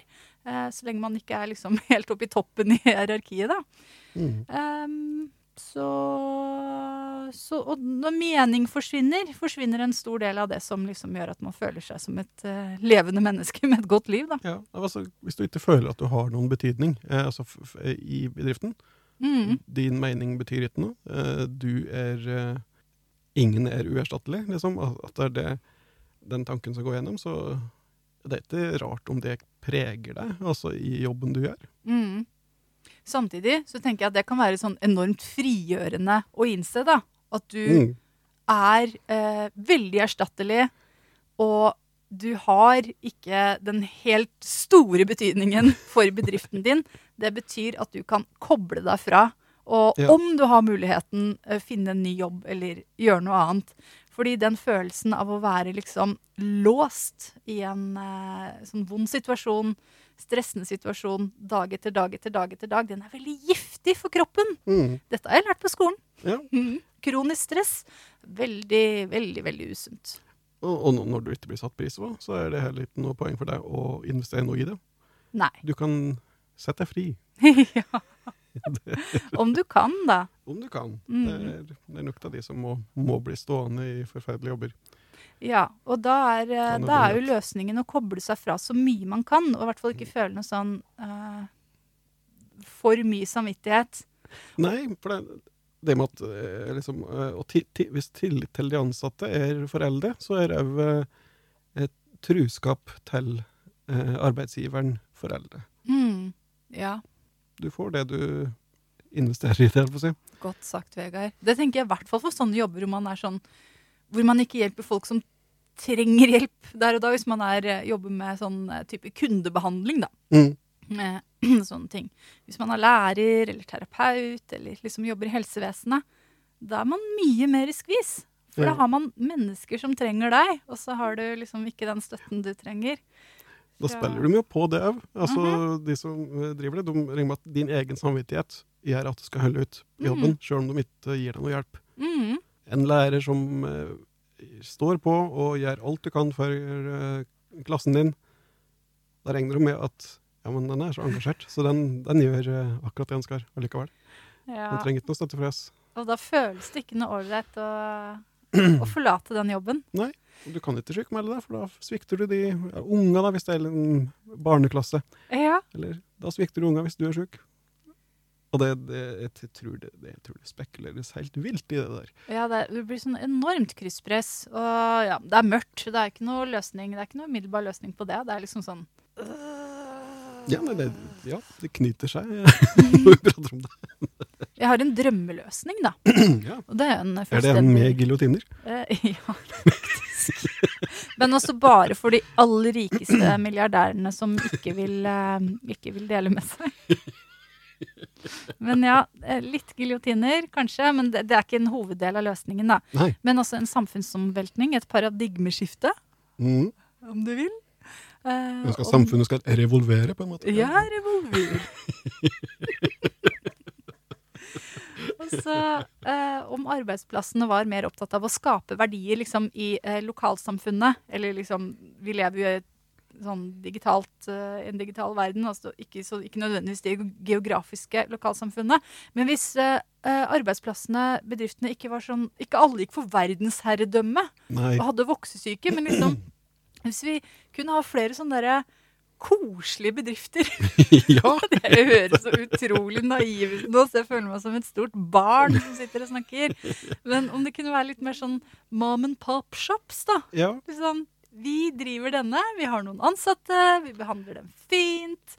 Og vi trenger ikke utvide og utvide og utvide. For det, det er liksom i den derre den der voksinga, da, at du mister helt den der bakkekontakten eller noe. Og det, mm. det, er liksom, det er dårlig for alle andre enn de som er helt på toppen. ja. Og, og i større bedriften er, jo mer må du strømlinjeforme. Yeah. Da skal, da skal alle passe inn, og jo flere ansatte du har, jo flere er det som skal passe inn i den forma. Jo mindre sannsynlig er det at alle gjør det. Men det er ikke bra for noen. Ingen Det er ikke bra for de på toppen heller, for Nei, de mister menneskeligheta si. Ja, de er- slutter å være folk. Ja. Åh, vi har liksom Ja.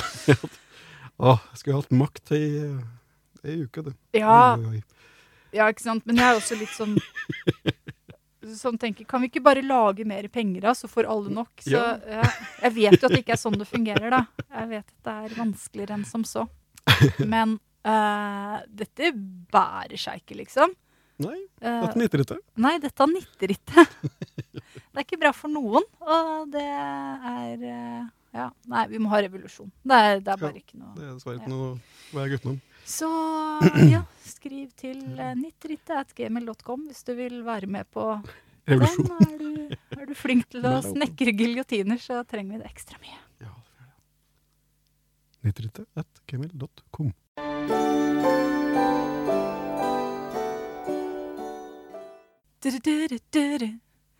Du-du-du-du-du.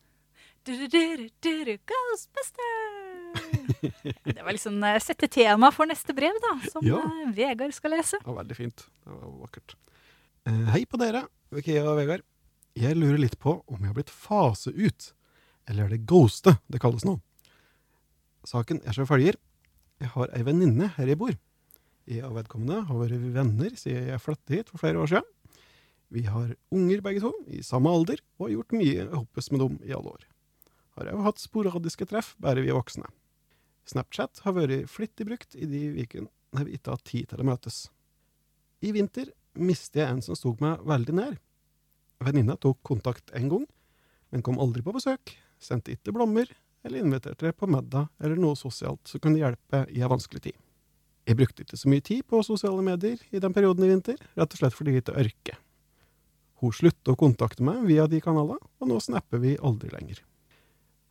Bortsett fra en episode for noen uker siden, da hun plutselig snappet et bilde av ringen sin, nyforlova, lykkelig og full på hyttetur. Åssen skal jeg tolke det? Vil hun ha kontakt? Skal jeg ta opp igjen snapping og foreslå å møtes? Eller skal jeg drite i hele dama? Nytter det, eller? Takker så mye for deres kloke råd. God klem fra Ghostbuster. Ghostbuster. Ja, Ja, du har kanskje blitt ghosta? det kan være. Eh, Høres litt ghosta ut.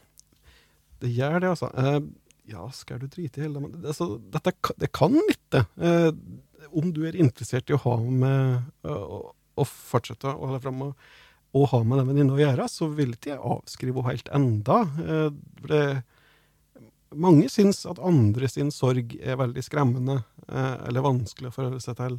Eh, og at de Dette har vi pratet om i podkasten tidligere.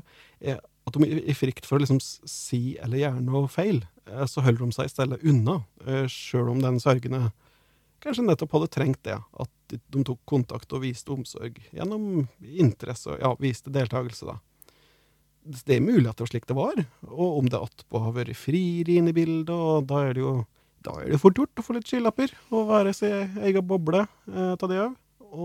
Så det, det, det kan heller ikke ha gjort det lettere å holde kontakt. da. Så er det slik vi ligger an, så kan jo det å sende den snappen eh, både fungere som en forklaring eh, og en invitasjon til å ta del i, i livet hennes. At det er, det er tolking. Og jeg syns ikke det er urimelig tolking. Nei, men det er veldig snill Ja, tolking på uh, sine vegne. Men eh, for å ta tolking i annen retning, da, så kan det òg bare være at hun bare for høflighets skyld, eh, fordi de var eh, nærmere enn han før, bare følte for å informere om den viktige utviklinga i livet hennes. At liksom det er alt.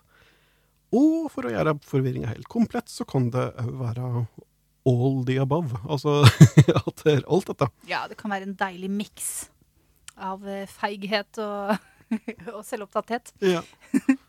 Men eh, ja du skriver Skal jeg drite i hele dama? Eh, ja, siden du sier sånn ja, spør sånn ja-nei-spørsmål, så vil jeg, da vil jeg falle på ja. Mm. Uh, hvis vi skal ta det helt unyansert. ja, Men det kommer jo an på hvor mye du savner henne. Ja, det må liksom være du- opp til deg. Savner du henne veldig, så er det kanskje verdt å prøve. Uh, Jeg for min del syns livet er så fullt av relasjoner hvor vi oppriktig har lyst til å holde kontakten, men bare ikke får tid. Så, så det er jo slitsomt å ha noen som du må hale og dra i for å ville ha Mm. kontakt med deg. Så jeg tenker at tiden din kunne vært brukt langt bedre hvis det ikke har vært en så givende relasjon at det er verdt å bruke tid på å liksom vekke til live igjen.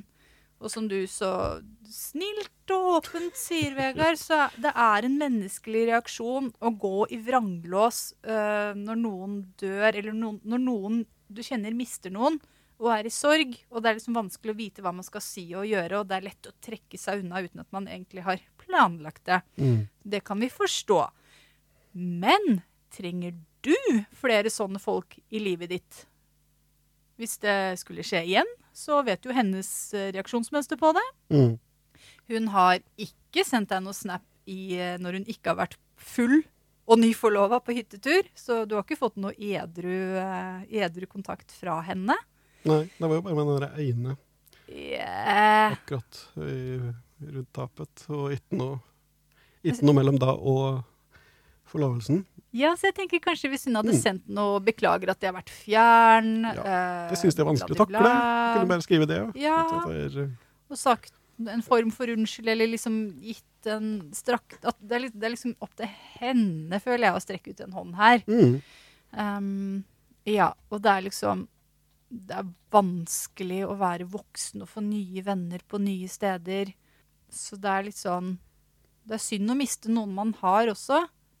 Men eh, Men eh, jeg tror tida di kunne vært Jeg har på følelsen at tida di kunne vært brukt på noe bedre. Ja, og det, det som jeg sier, er at det eh, er det noen du må hale og dra i for å få, få dem med, eh, da vil jeg tenke er det verdt det. Det er ikke bra for selvfølelsen heller, vet du. Å ha sånne venner da- som er sånn Da føler jeg at du maser, og at du bærer du som vil, og, og Ja. tydeligvis ikke sjøl, for jeg må alltid spørre, liksom. Ja, At det er Ja. Jeg syns det å snappe ringen sin er litt harry òg, jeg. Er det lov å si? er det lov å si? litt sånn se på meg. Nei, men eh, ja. Det er kanskje det. det. Jeg vet ikke. Nei, men liksom til folk du ikke har sett på flere måneder, som du burde ha tatt kontakt med. Det er veldig, med, ja. det er veldig sånn derre um, eh, Hva heter det? Umusikalsk måte å ta liksom den første kontakten på. Ja, at nå, nå er det endelig noe fra meg, så da kan jeg ta kontakt. Ja, Når, det- når det er jeg som har et behov, vet du. ja Ja, sikkert eh, godt ment, men Ser den. har liksom ikke følelsen at det er så mye mer å hente. Uansett om dere tar kontaktene, er det så mye å hente av det vennskapet der òg? Ja. Nei, altså, det, det, koker jo ned til hvor- mye du savner henne, og hvor viktig hun var for deg. Og så kjenner du et virkelig savn eh, ta å ikke ha den daglige kontakten med henne, så, så er det verdt å prøve. Og, og har det gått bra? Ja, nei, jeg kom på Jeg noe. fikk en idé her. ja, jeg bare skvatt til fordi jeg, jeg leste et brev på nytt, og da hang jeg meg opp i en detalj som jeg ikke har tenkt så mye over. Mm. Vi har barn begge to i samme alder, og har gjort mye sammen med dem i alle år. Mm. Det er et viktig treffpunkt. Da kan jo hun fungere som en sånn derre playdate-venninne. Ja, som er sånn som at gir deg ja. ja, sånn avlastnings uh, til eh, at barna på samme alder leker sammen. Og at det er Mm. det som er relasjonen deres. ja. For da- trenger ikke bare bli, bli noe dypere ta det. At Ja. det, det er bare det som skjer. Men at hun ikke er en du liksom lener deg på emosjonelt når du mister noen som står deg nær. Nei. For det uh, har hun jo tydeligvis ikke uh, liksom, kapasitet til å være, da. Nei.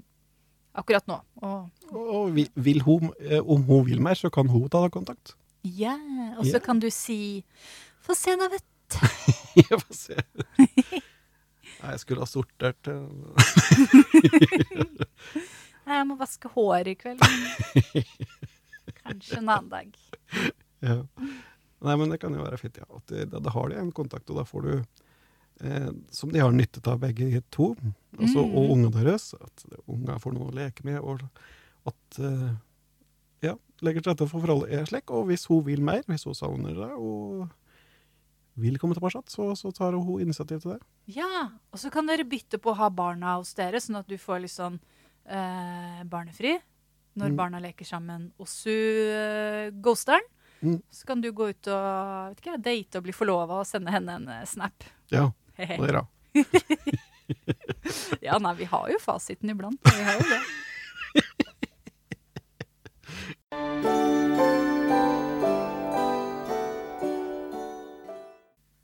Da har vi kommet fram til den delen av programmet der vi skal prate om noe som gjør verden bedre. Er det ting som gjør vår verden bedre? Vi håper da at det kan være noe som gjør deres verden bedre. Og først i dag så er det Kia som skal fortelle om ting som gjør verden bedre. Ja, da håper jeg at eh, det kan eh, hjelpe mange andre også. Det jeg har oppdaget, som jeg allerede har snakka om, som er å danse med rumpa bar foran masse fremmede. Ja! Overraskende god terapi. Eh, det her har jeg jo allerede snakka litt om, da, så det var ikke egentlig det jeg hadde tenkt å ha som hoved, hovedtema akkurat nå. Fordi nå som jeg har landa litt, men fremdeles har litt sånn sosial hangover, og egentlig ikke har fått tid til å summe meg, og så rett hit nesten, da. eh, og spille inn lang podkast og by masse på meg sjøl! Yeah! så har jeg litt sånn der overaktivert indre kritiker nå også. For det er liksom høy på meg sjøl, men også veldig sånn Å, nå har du gjort mye ut av deg, Kia. Inni meg. Så jeg har litt sånn eh, Merker jeg litt heseblesen og trenger å lande litt nå. Og det skal jeg gjøre når vi kommer hjem i kveld. Da skal jeg spille Okami. Ah, Og det er et spill som jeg ikke nettopp oppdaga, for det er fra jeg vet ikke, 2010 eller noe sånt. ja, det er gammelt spill. Det... Eller i spillsammenheng er det gammelt. Ja, men det har liksom tålt tidens tann så bra. Det er et PlayStation-spill. Det er jo andre konsoller òg, men det er PlayStation vi har. Og det handler om en ulv Mhm. i en japansk ulv, som egentlig er en gudinne. Det er masse japansk mytologi. Det er sånn, Stilen er sånn derre um, kalligrafiaktig, nydelig. Sånn Ja, du trenger ikke tenke på at grafikken ser gammeldags ut, for den stilen er liksom bare sånn tidløs. Mm. Det er fint laga. Det ser- ut som maleri Ja. eh, når, de, når du spiller. det er så fint laga, det er et langt spill. Du kan spille i 80 timer hvis du er en sånn uh, completionist og lyst til å gjøre alle sidequests og sånn. Kanskje 100. Mm. Og eh, ja, når den ulven løper, da. Ulven, mener jeg. Unnskyld. Mm. mener, Så, mener du skrubben? Bergen. Den, eh, så, så fortere, løper den fortere og fortere. Ho løper fortere og fortere, og så, og så kommer det masse blommer ut av ræva på ja, det, er- må, det må bare oppleves, men det er liksom sånn Jeg skal jo nå skrive emneoppgave i nevrovitenskap om, eh, om dataspills mulige positive påvirkning på psyken. Mm. Og liksom, uten, da må jeg lene meg på forskning og bruke det. Men altså, jeg personlig er overbevist om at ikke bare Tetris, men uh, veldig mange former for dataspill har en veldig god uh, beroligende og ja, oppløftende Ja. virkning på psyken. Og det ser jeg for meg at Okami skal gi meg nå, som jeg er uh, litt i en litt sånn bitte litt ubalansert tilstand. og trenger å roe meg ned og ikke tenke så mye. Og det, det, det er, eh, dataspill har reddet mange. Mhm. Det er eh, et faktum. Du da, Vegard, hva er det som gjør verden din bedre? Det som gjør verden min bedre, det er eh, vedstabling med podd på øret. Jeg har det så greit inni meg når jeg stabler ved. Jeg går inn i, i sonen. Da kan jeg holde på i timevis. Nå er det like før som vi skal stable ved her. Og jeg, jeg, jeg liker det så greit. Det, det, det kjennes ikke som arbeid, liksom. At jeg holder på og stabler. Og har noe fin podkast på øret, da. Som går på Må være noe langt nå, da. For det, det kan jo ta sin tid. Og da kan vi liksom holde på ute i garasjen og stable, og det, det merker liksom ikke at tida går. for Først har det plutselig vært i natta. nå, må jeg, nå må jeg gå inn til slutt. Altså, jeg blir jo altså, jeg er jo så støl så jeg holder på å struke med når jeg våkner dagen etter. Men, men der og da så går jeg Jeg er, jeg er akkurat der jeg vil være. Det Du er i flyt. jeg er i flyt, og, det, og jeg kan være eh, helt alene. Og da trenger jeg liksom ikke noe rundt meg. Jeg bare, det er det jeg gjør. Nå er det, det er en enkel oppgave. Du skal legge vedkabber oppå den. Fire horisontalt. ja, har sitt eget system, vet du. Og da kan jeg bare være i det, og ikke tenke på at tida går. Og så er du veldig flink til det. For jeg har jo prøvd å gjøre det, og det så ut som en sånn eh, Det er sånn gjort forsøk på i edderkopper, LSD, og så ser du på nettet deres etterpå. Og det så jo sånn ut når jeg hadde stabla ved. Så det er jo veldig bra at du både liker og er den som utfører den oppgaven hjemme hos oss. Men, men syns du det var liksom behagelig? Synes, ga det deg den samme opplevelsen? Sjøl om det ble uh... Jeg syns det var veldig koselig å drive ja, med. ja. Vi kan godt være med. Det, jeg har ikke noen måte at vi gjør det sammen. Altså. Mm. kan vi høre på Hør vår pod, eller samme pod. Men da bare går der, så, og så går tida. Og liksom, jeg merker ikke at tida går. Vedstablingsdate er jo kanskje akkurat eh, det vi trenger. ja, det er veldig koselig. Og så er det, det er litt kaldt i etter det nå heller, for det liksom, da er det svett og løgn. Altså. kommer inn og kanskje Forhåpentligvis så orker du å dusje når du kommer inn. Men, men det er veldig behagelig iallfall. Du opplever ikke noe stress når du driver med vedstabling. Og det er helt stille oppi hugget. Det er greit. Men du, skal vi sæla på, da? Ja, vi får nesten tenke på heimeveggen. Ja. Eh, skal minne om dette eh, tipsglasset, eller Vipps-glasset, som står borti kroken her. Det er eh, Vipps nummer 81 34 59. 81, 34, 59, men ikke noe bridderi. Noe blir det Og så høres vi igjen neste gang. Og i mellomtiden, er det noe du har lyst til å dele med oss, så send e-post til nytterittet at gmail.com. 90 at gmail.com. Takk for i dag. Takk for i dag. God kos. God kos. Vi er glad i dere.